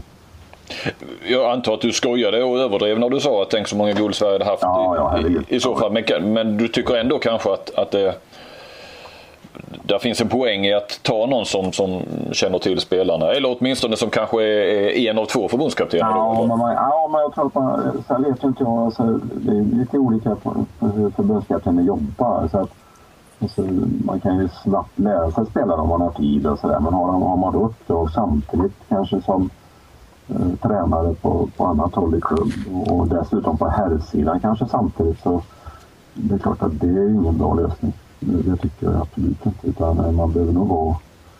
Uh, alltså, är man tränare för, eller förbundskapten för damlandslaget så ska man nog ha uh, sin totala verksamhet mest mm. på den sidan och, och vice versa. Mm. Jag, skulle, jag, jag skulle svårligen tro att, att jag kunde vara... Nu kommer det aldrig bli så. Uh, men om jag nu är tränare för Skövde HF så skulle det vara svårt för mig att uh, tränar i herrlandslaget. Ja, det, det... Man vänder på det lite Ja, ja, absolut. Det är banalt. Du, eh, ska vi gå på det, det dagsfärska? Ja. Hur, eh, hur, hur har ni kunnat, eller hur kunde ni besegra Sävehof i två raka matcher efter att de inte hade förlorat på 95 matcher? I, eh, mot svensk motstånd ska vi säga. Hur, hur, eh, hur var det möjligt? För det kändes ju som att du hade ju gett upp när de valde er. Jag tror jag citerade dig någon gång att du tyckte bara det var så tråkigt för de slår ju alla svenska lag. Och... Ja, men det är alltså... Hur var känslan när de valde dig? Var det, var det så du kände som du gav uttryck för? Det var ju väldigt ärligt i, i så fall. Ja, men jag tycker alltså det, det var alltså spontant så tycker jag att det var tråkigt. Uh, jag hade ju egentligen hellre mött ett annat lag. Ja, för, för, det, det gäller väl alla övriga? eh, Ja, ja. så är det ju. Men eh, någonstans så är det ju eh, en riktigt kul utmaning att möta eh, Sävehof i, i det läget som vi själva är och det läget som de är. För det, alltså rent praktiskt så, så, så har vi ju, vet vi hur vi ska uppträda. Men sen eh, om vi, liksom, eller vet och vet, men vi har en idé. Så, eh, sen om vi klarar av det eller inte på fem matcher och vinna tre, det, det får vi se. Men, eh, ja, vi, gör det vi, försöker, vi, vi försöker göra det vi är bra på, och spela mer disciplinerat. tycker jag vi har gjort den tidigare. Alltså färre tekniska fel och, och vi har eh, varje spelare tycker jag har höjt sig en del när det gäller det här individuella ansvarstagandet och, intensiteten i sitt uppträdande över hela banan. Eh, vi, är ett mer kompakt lag, ett mer eh, effektivt lag idag. Förändrar du någonting inför eh, de där matcherna? Alltså eller ja, inför semifinalserien? Gjorde du några, några taktiska ändringar eller något i upplägg eller någonting sådär? Så? Alltså, resonemanget kring eh, alltså, förhållningssättet till matcherna är ju inte detsamma som när vi går in, eh, i alla fall inte initialt, då, till en seriematch eller till, eh, till säsongen. Och så, här, utan det gäller, tycker jag, att bygga försöka och, och eh, via någon form av bondförnuft få folk att liksom komma upp i nivå. Sen vad det är, det, är svårt att svara på men jag tycker att jag lyckas ganska bra. Det, det här slutspelet, att höja oss från seriespel. Alltså vi är avsevärt bättre nu än vad vi var i seriespelet. Eh, och, och det har i och för sig varit meningen och det har också varit våran tro hela tiden. Mm. Jo, men det, så gick ju snacket redan, det vet jag inte riktigt om du sa det, men det sa väl alla då med de rutinerade ni har att, att ni blir farliga i slutspelet. sa vi ju redan vid upptaktsträffen. Ja, precis. Så vi, för vi har faktiskt infriat de förväntningarna både på oss själva och från andra. Så att, sen att, det skulle bli, att vi skulle bli så här farliga eh, för Sävehof, om man kallar det så. Det, det, ja, det, det var svårt att tro då.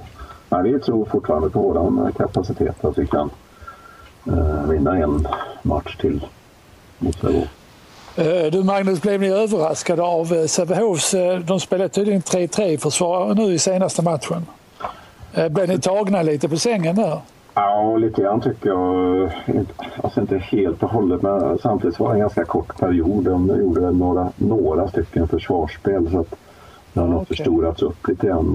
Däremot så så tycker jag att eh, om, om man tar med det i beräkningen så utan vi gjorde, jag tror att de gjorde tre eller fyra anfall och sådär men samtidigt så började de bestämt. De fick ju hål på oss eh, först och tog kommandot eh, och ledde ju med, var ledde med 6-2 exempelvis innan vi tog en timeout. Men det hjälpte ju föga. Och, och, Nej, det handlar nog egentligen inte så mycket om uh, vad de valde tror jag, utan de var bestämda och, och, och, det kanske också är så att man gör en sån manöver för att visa för sig själv. Också att man tror på det man gör och att vi är um, bestämda idag. Och så får man fokus på lite andra grejer liksom, än att, jag i alla fall, än att man de två första matcherna har kanske inte riktigt eh, kommit upp i nivå, tycker man själv. Men, men, men jag har förberett er lite mer på 3-3 försvar inför den här fjärde matchen? Ja, det måste jag göra. Det blir ju så. Eh, alltså, det är en del också i det här att man... Eh, motståndaren och, och fokusera på saker som man kanske inte hade trott från början och sådär. Så det, det ingår liksom i det här spelet som är rätt intressant. Och, och, alltså genom att eh, förändra lite grann så, så kanske man får eh, motståndarna ägna tid åt det och så kanske inte det kommer tillbaka och så, där. så det, ja, det är lite schackspel så där. Mm, mm. Delarna. Men det, framförallt så handlar det ju mycket om att få individen i bra anspänningsnivå och att vi, att vi vet vad vi ska göra i olika delar. Så, så att, eh, tittar man på matchen i sig så är det lite, det är lite enklare, lite, eh, säga, lite lätta att läsa tycker jag. Och lite för tidiga i våra beslut och avslut framförallt kanske i anfallsspelet. Därför är vi lite låga i försvarsspelet. Men, men, känner du också att nu blir det så här pass eh, höga siffror. Var det ni som eh, slog av lite på takten och, och du körde kanske lite andra uppställningar och så där? Jag menar, ni hade väl inte behövt att förlora med så stora siffror? Eller? Nej, men, nej, det, det, det, jag vet inte. Det blev som det blev, men det är klart att någonstans är det så när det står 18-8 i paus och man har försökt göra en del, framförallt i bytesväg och coacha lite med andra spelare. Så där. Men då, de gick ju ifrån successivt ändå. Då. Så att, eh, att vi skulle vinna matchen, det, det trodde ju inte vi i början på andra halvlek.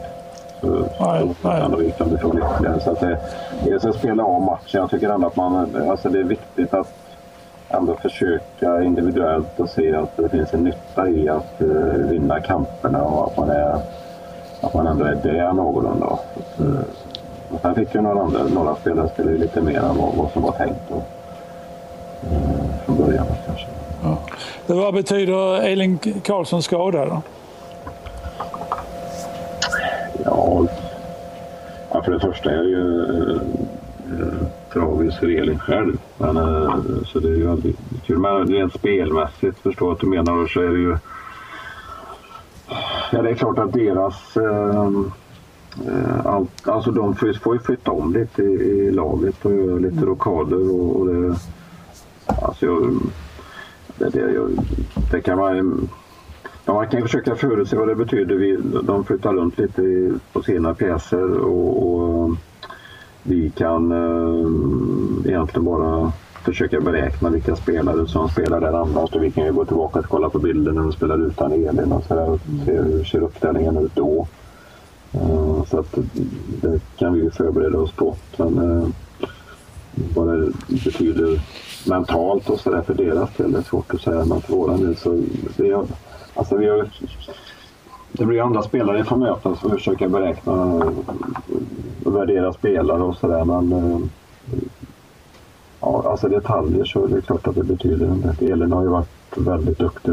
Jag tycker alla tre matcher har hon varit en spelare som, som uh, har gått i bräschen i Sävehof. Mm.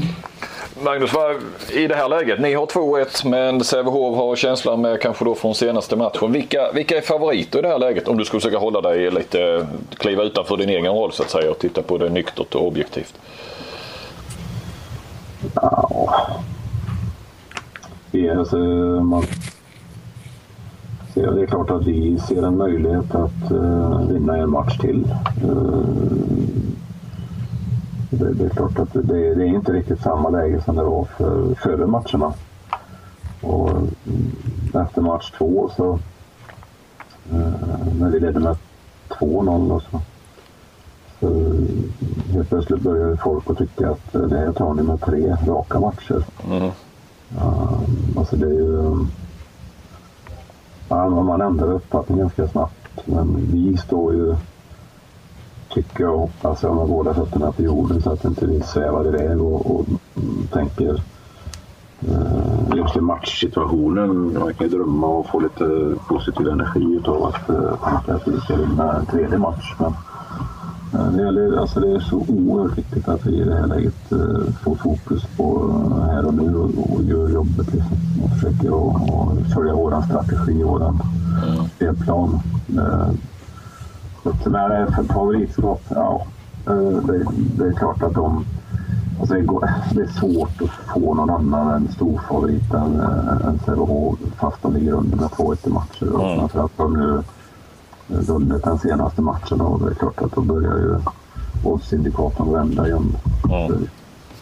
Hur, hur, eh, alltså som sagt, ingenting är klart och ni står med fötterna på jorden. Men om du ändå bara kan föreställa dig att ni skulle klara av att slå ut Sävehof nu de närmaste dagarna då eller veckan. Eh, hur stor skräll skulle det vara med, med facit i hand om ni skulle fixa det? På något vis, jag har ju försökt lite, varit ute på Twitter. Du har väl kanske inte varit där och, och kommit Och jag har kanske skrivit det på bloggen också. Försöka sätta det i någon sorts perspektiv om det skulle ske. Eh, och kommit fram till att det kanske är den största skrällen i, i svensk handbollshistoria i så fall. Ja, det vet jag inte om jag tycker. Som, alltså, vi som är inne i sporten.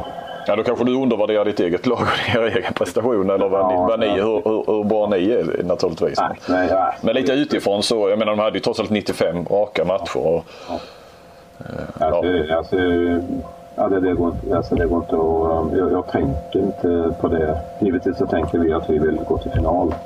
Men just alltså... Det kanske låter tråkigt att säga det här, men alltså, för våran del är inte att bryta sviten eller att eh, göra det bara för att det är Sävehof. Utan vi har ju våran plan och våran målsättning att gå till final. Och sen har vi... Vi, vi måste ju igenom de här tre matcherna för att vi ska nå det. Så, det, det är, så, så långt tänker vi i dagsläget. Eftersom vi har vunnit två matcher så kan vi tänka på att vinna en till. Men eh, alltså, det, det är inte... Alltså, det är inte så intressant. eh, tycker inte jag. Det låter tråkigt. ja, jo det gör det ju och det är jätteintressant för alla oss andra. Men nu får vi diskutera det. Eh, Sett ändå till att ni eh, har tvålat till dem eh, två gånger och eh, att de också kommer att tappa eh, fler spelare till nästa säsong. Är, Sävehofs den här eh, jättedominansen som, som ofrånkomligen har varit, är den, är den lite grann över nu tror du? Om du tittar lite framåt. I den här semifinalserien är ju, är ju dominansen slut eh, så sett. Men, men eh, om du tittar lite framåt och du vet väl vad de har eh, underifrån och, och du vet som sagt du är inne i det. Eh, vad ni har och vad andra kommer med. Hur ser det ut i framtiden? Jag säger de närmaste två säsongerna. Kom, De har, ju- de har ju fortfarande förutsättningar för att vara dominanta i, i, framåt. Den kapaciteten och de resurserna finns ju i klubben. Eh, jag vet ju också att eh, de har ju lite andra muskler, om jag nu har förstått allt rätt, ekonomiskt och sådär. Men jag, jag hoppas och tror att det här kan leda till att man eh, också tar upp kampen lite mer och blir lite mm. ja, äggad på något vis. Ja. Men, eh, och de kommer ju, det vet ju, att eh, bli av med ett par eh, ledande spelare till nästa år. Mm. Eller några stycken till och med. Och det är klart att, de, att tappa spelare som de har gjort här i ett, två, tre år i rad och ändå finnas med så här långt upp och vara så dominanta. Dels är det ju fantastiskt bra gjort. Men det finns också en gräns för vad man tål. Va? Det, det tror jag. Att, eh, det kan ju, just den här alltså de kulturbärarna som har burit eh, laget när de försvinner eh, i ganska stor utsträckning så är det klart att det blir svårare att, att bygga nytt. Men samtidigt så vet jag att de, de nöjer sig inte med att bara ta spelare underifrån nu och, och talanger i svensk handboll utan jag tror att de kommer att presentera etablerade namn inför nästa säsong. Jag är övertygad om. Eh, de, kommer att ha möjligheten att sikta. De kommer nog sikta på en, eh, en lång svit även om även de tar en match i taget. Tappar ni spelare till dem till nästa säsong? Ja, det kan hända, men vi, vi, vi, vi sitter ganska lugnt i båten. Det, ser bra ut med, med tanke på de spelarna vi har idag. Att, ehm, Vem försvinner då? Dit? Uh, måste jag, Mikael Ek är klar för att uh, flytta till Danmark, högersexan.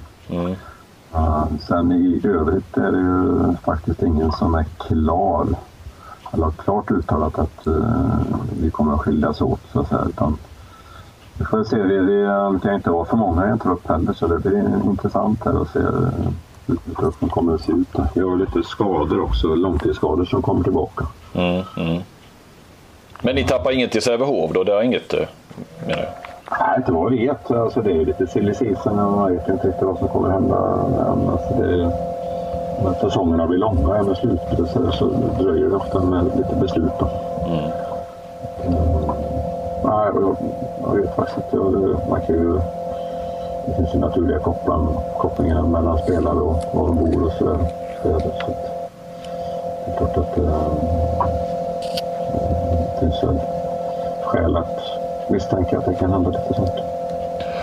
Om ni går hela vägen då, tar SM-guld, Magnus. Fortsätter du nästa år då? Eller är det det perfekta slutet på eh, din långa session? Eller är det klart? Är det liksom helt klappat och klart att du fortsätter? Ja, ja det är det. Så, så långt så, så ligger planeringen. Så att det Ja, inte finns jag kommer att ändra på någon annan händer kanske om det uppstår något, några extrema situationer. Men jag, alltså, med tanke på att eh, jag har varit med så många år så, så, så är det, det är klart att det, det, vore- det vore väl jätteskoj. Men jag är ju en sån där tuggar på. Vet. Ingen dag är Men det här med att eh, spelarna vill höra en ny röst då, det, det, det finns det inget som helst behov av i Skövde HF. Tydligen. Efter 21 år. Det brukar vara så där man hör ju när spelare, eller när tränare får gå och så ju. Ja. Nej, så det, nej det, det kan inte jag bedöma. Alltså, det är, ju- Du har utvecklat din röst kanske genom åren. Ja, precis. Ja. Hemma.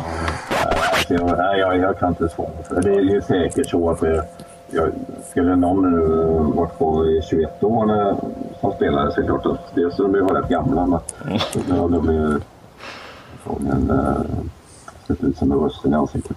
Ja. Det är ju det alla har. Ja. Du, du Magnus, eh, vi är ju bara ett fåtal handbollstränare som, be- som har begåvats med sångröst. Och du, är ju, du är ju en av dem. Eh, finns det möj- möjlighet att vi kan få höra en sån här Ted Gärdestad-låt? Jag vet du är bra på dem. Om ni skulle ta eh, SM-guld, kan du lova det här och nu? Ja, jag sjöng lite förra gången på SM-guld. Så det är klart att man kan ju sjunga vid andra tillfällen också. Ja, men det, det hade passat bra in här nu. Men, men okej, du vi kan ju Ja, säga... men eh, det är självklart. Så, eh, det, är- absolut. Det är som när, när man vinner något så ska man ju sjunga. Så det, Ja. det kan man även göra när man vinner en enskild match. Så det, det tycker jag. Ja, Absolut. ja, men det är bra. Den tar vi med oss. Mm. Ted Gärdestad, är det någon eh, favorit? eh? Nej, det är väl inte speciellt. Jag, det, det, är väl- det ju... Det är ju en, en, vad säger man, lättsjungna låtar och bra texter. Och så, där, men, det är något som man kan lyssna till. Det finns väl andra också. Givetvis. Men Ted Gärdestad är bra. Nej, man kan ju sjunga... Eh, och, och, vad finns det mer? Eh, hjälp mig. Det finns ju andra bra... Det finns många bra Ulf Lundell lär passa dig också tror jag. Finns det några andra artister? Eller? Nej, det, det är bara Ted Gärdestad. Har, Sten och Stanley är bra. Men du spelar du instrument till också?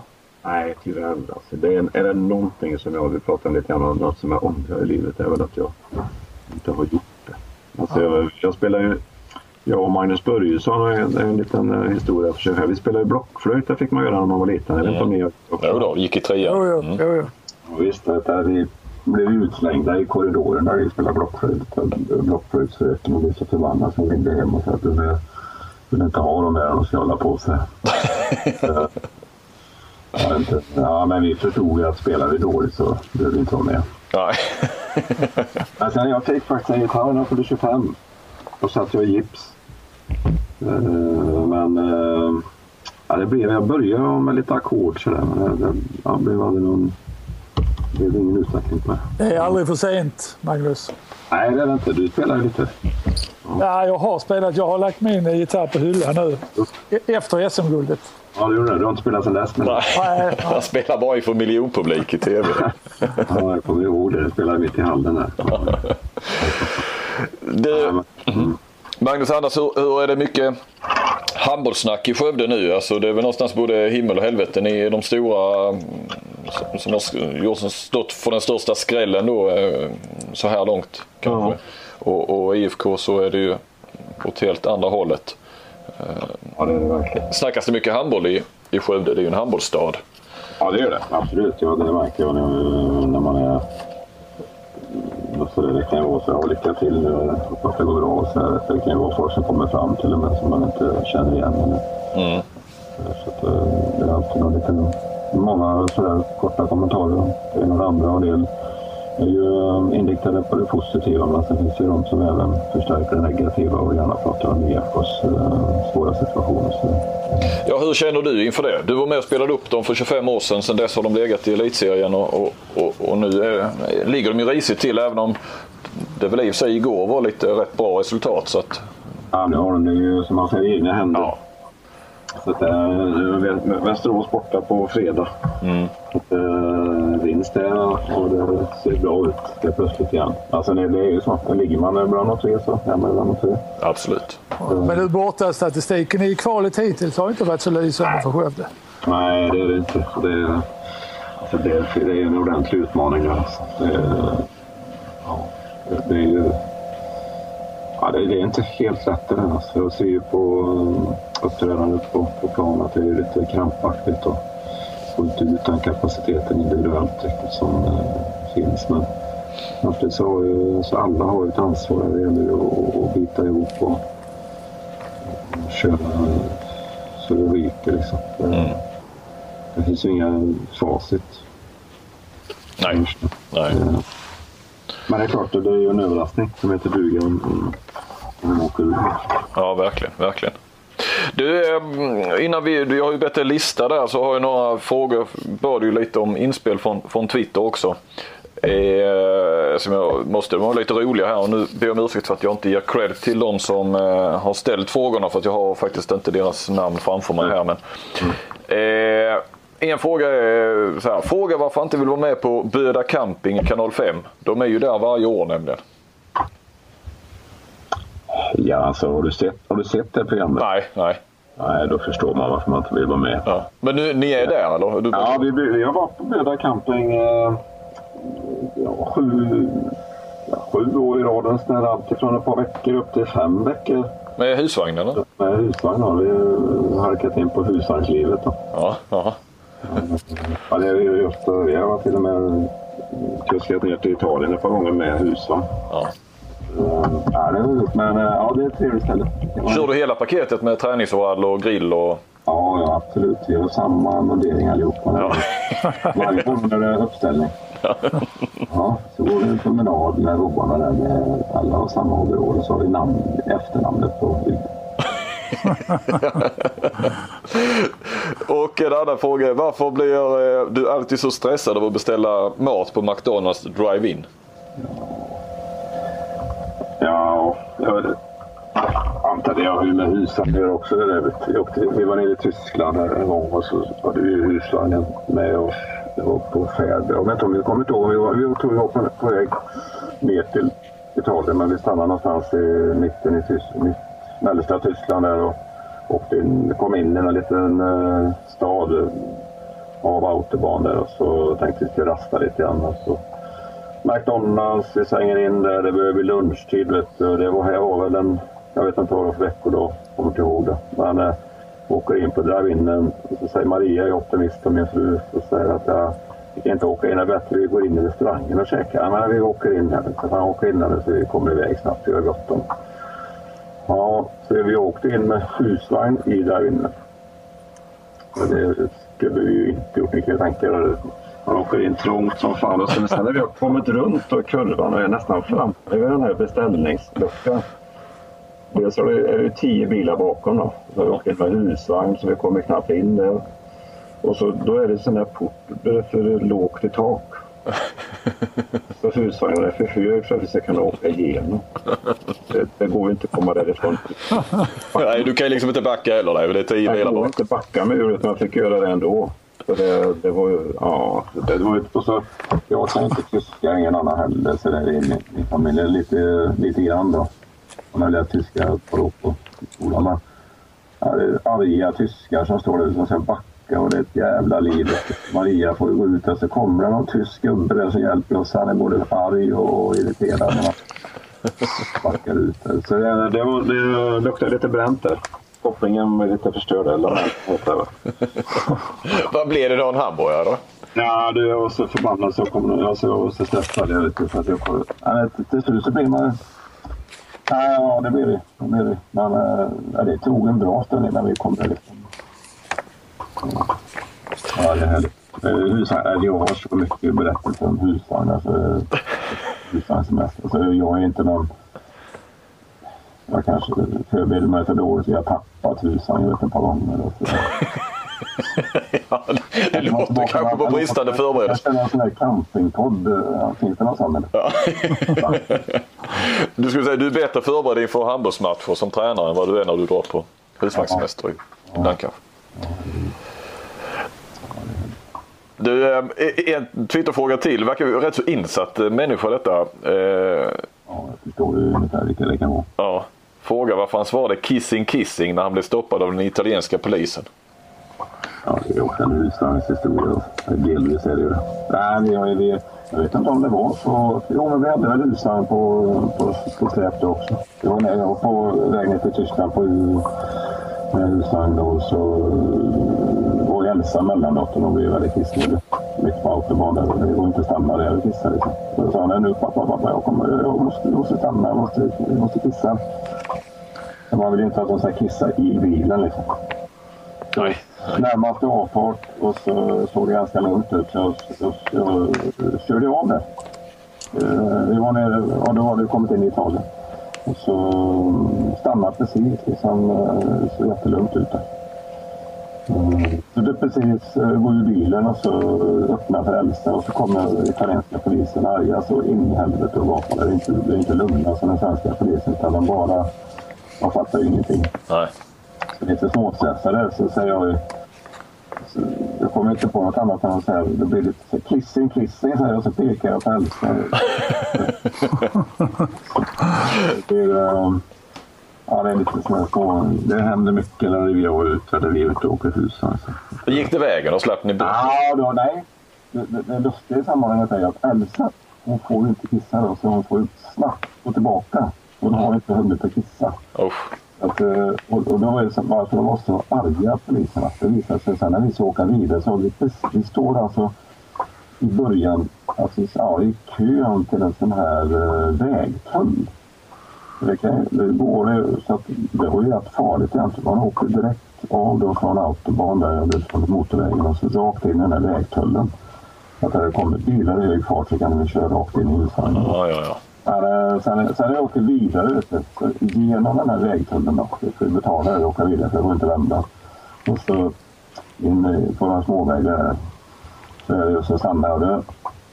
Nu, alltså nu, nu kan du ta emot till Då, då var hon inte kissnödig längre. Nej. jag var inte gammal då. Så, ja, herregud. Det hade varit kul. Ja. Ja. Det är inte bara handboll i Nej, men det, det låter skönt det. Ja.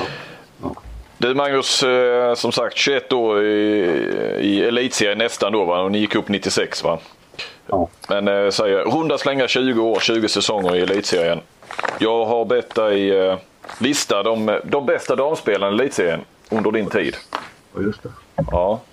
Hur många namn? Eh, du fick lite fria händer där men... Eh, ja, alltså, jag tyckte det var ganska svårt. Jag satt en stund igår så tittade på lite gamla listor över både landslagsspelare och, och lite annat här. Så att, så att, uh, men... Uh, ja. Vi börjar bakifrån. Hur många, eller hur många har du på?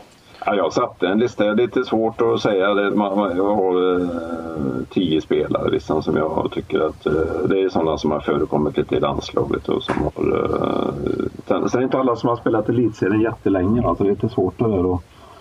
Eh, när var de liksom som bäst eller när är de som bäst? Eller när de spelar elitserien eller när de går vidare och Nej. kanske utvecklar sig ytterligare.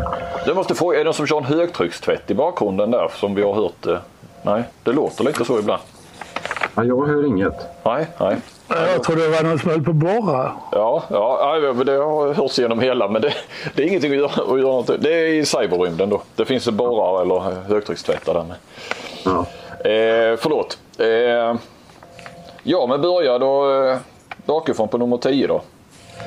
Ja, alltså det är svårt att rangordna. Men jag, Ja då, det är ju- finns inget eh, facit. Matilda Boson tycker jag platsar i den här 10-gruppen. Mm.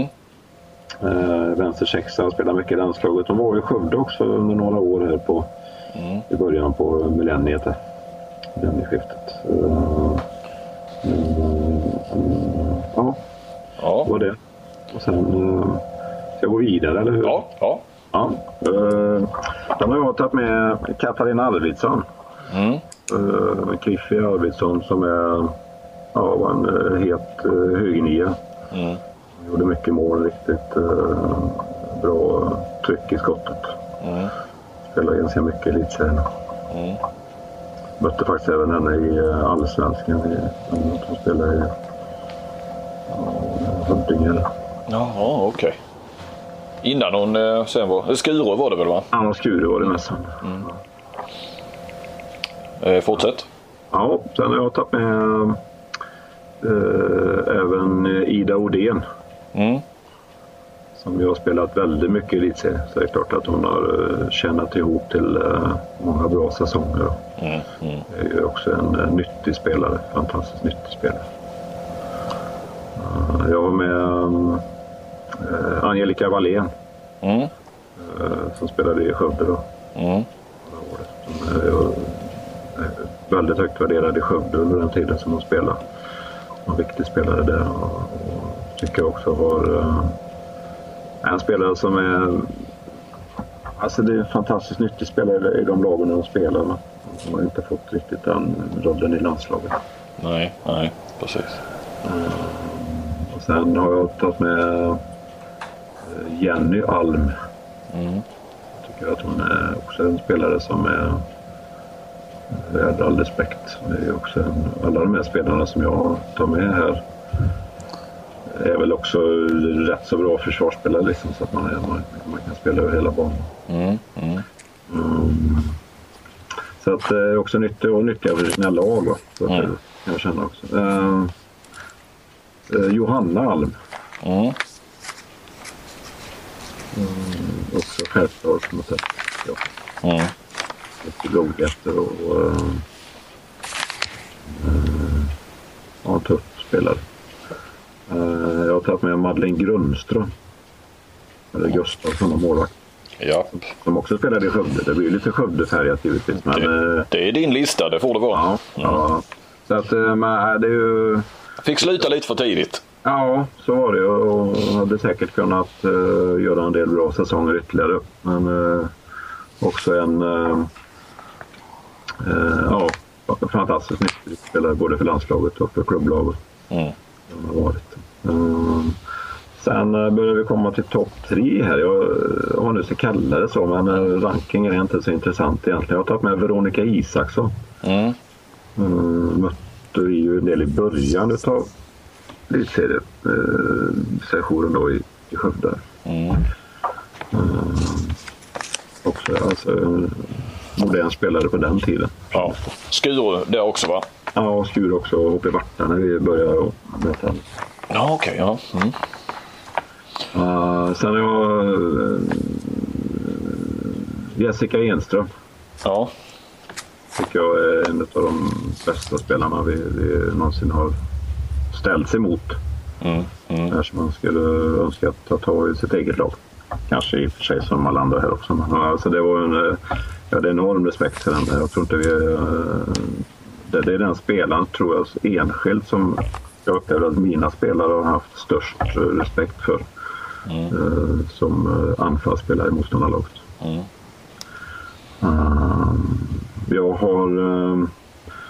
eh, Eh, Innan jag kommer upp till toppspelare så har jag faktiskt tagit med en bästa försvarsspelare som jag, tyckte, eh, som jag tycker platsar och hade platsat överallt även i landslaget som man inte har fått vara med. Det är Anna Larsson. Eh, För detta mitt sexa och i Skövde också. Mm. Eh, Det hade varit intressant att se henne internationellt i, som försvarsspelare. Du hade velat se henne i landslaget? Ja, absolut. Mm. Men, eh, ja. Och sen eh, så har jag faktiskt sparat eh, Linnea Torstensson. Ja. eh, Som jag tycker är ändå en... Och så Isabella Guldén. Ja, jag, jag blev lite så här när du... Jag tänkte men det de är två de- namnen, hur ska du lösa detta Jag har ja, men plats jag, har dem, jag har de två sist lite grann där så att jag tycker att de är... eh, Jag ska inte säga en klass för sig men de är ändå två världsspelare som, Mm. som jag tycker får dela på den. Ja. ja, jag tänkte det. Vad fasen, har du en av dem utanför topp 10? Men du löste ju det snyggt där ja. Ja, nej, jag tycker de, de, de får eh, dela på den då. Så, så är det ju faktiskt så att det är kul att också ha med en eh, Skövdespelare längst upp. Men Ja. det är ändå så att, eh, ja, men det är, sen är hon inte med bara det. Hon är ändå utsedd till... Hon får ju mycket priser, Linnea, och det får ju eh, Bella också. Det är klart att eh, Linnea är väl också eh, kanske lite underskattad som eh, lirare tycker jag. Hon har varit lite lyrisk. Ja, så ser det ut. Ja. Snyggt, härligt. Saknar ni, någon? Nej, ni är kanske inte så insatta i uh, historien. så att säga. Nej. Sen, det, det finns det ju massor med spelare som har passerat revy också. Men det här är ju ändå ganska många som är hyfsat närtid. Nej, men jag har väl ändå varit med på, på deras eh, tid. Eh, Åsa Eriksson har du väl inte mött, stött på? Nej, jag, nej, det var ju lite i början. Hon var ju rätt mycket. Hon var, mycket, var stack lite i Danmark. Där. En del att spela med Horsen. Ja, ja. Hon, är, hon var faktiskt med lite grann i tankarna här. Men uh, jag tänkte att om man tittar på landslagsmeriter då. Mm. Så jag med. Ja, nej, nej, annars har jag inga, även om som sagt jag har inte koll så jätte, jättelångt bakåt eh, sådär men man har väl ändå varit med nu de, de sista åren. Eh, så det är väl ingen som slår mig eh, sådär direkt att Eh, Jag saknar eh, Maria Adler. Ja. är det inte för är- tidigt Kentari? Nej, men det är ju inte jag. Jag saknar inte henne det i den här listan. Ja, Okej. Nej, men hon är, hon, hon är ju en riktig goalgetter så, men jag tycker att hon var, hon var alltså lite... Eh, kanske lite för kort tid hon har spelat också, men samtidigt så... Och hon jag tycker att hon... Eh, det är ingen totalspelare riktigt än. Sabina Jakobsen möjligtvis kanske som en Ja, det var också en spelare som jag tänkte på så, Ja. som fanns med. Liksom. Ja, det hade jag faktiskt i tankarna, men jag, det passerar lite grann. Jag, jag tycker inte de kommer upp i de här topp 10 riktigt. Där. Ja, Sabina är, Ja, Sabina är också bra. Och sen, har, sen är en sån som Hagman är en playmaker och, eller en uh, lirare och, som, som man också kunde plockat med. Alltså. Jag saknar en spelare, men jag kan inte komma på namnet. Hon spelade i, eh, i Stockholmspolisen och var rätt dominerande i svensk damhandboll. Vem är det jag tänker på? Och lite, lite äldre generation. Men du, ja precis, för nu bad jag ju Magnus sista 20 åren då egentligen. Är, är hon före det? Ja, det, hon kan ha missat det på Men det det. kanske var för 40 år sedan. ja, under Kentaris glans, glansdagar. Nej, men, nej, men jag, jag, Stockholmspolisen hade många bra spelare på... Det var, Ja, de hade... Oh, jag har glömt. Ja, det kan ha varit slutet 80-tal och sådär. På, Ja, det kan ha varit. Kan ha varit. De, vi har ju mött polisen också i um, elitserien men då har de inte varit något topplag. Nej. Ja, det var i alla fall en dominerande eh, spelare. Men det, det kan vara kanske 20 år sedan. Det är möjligt.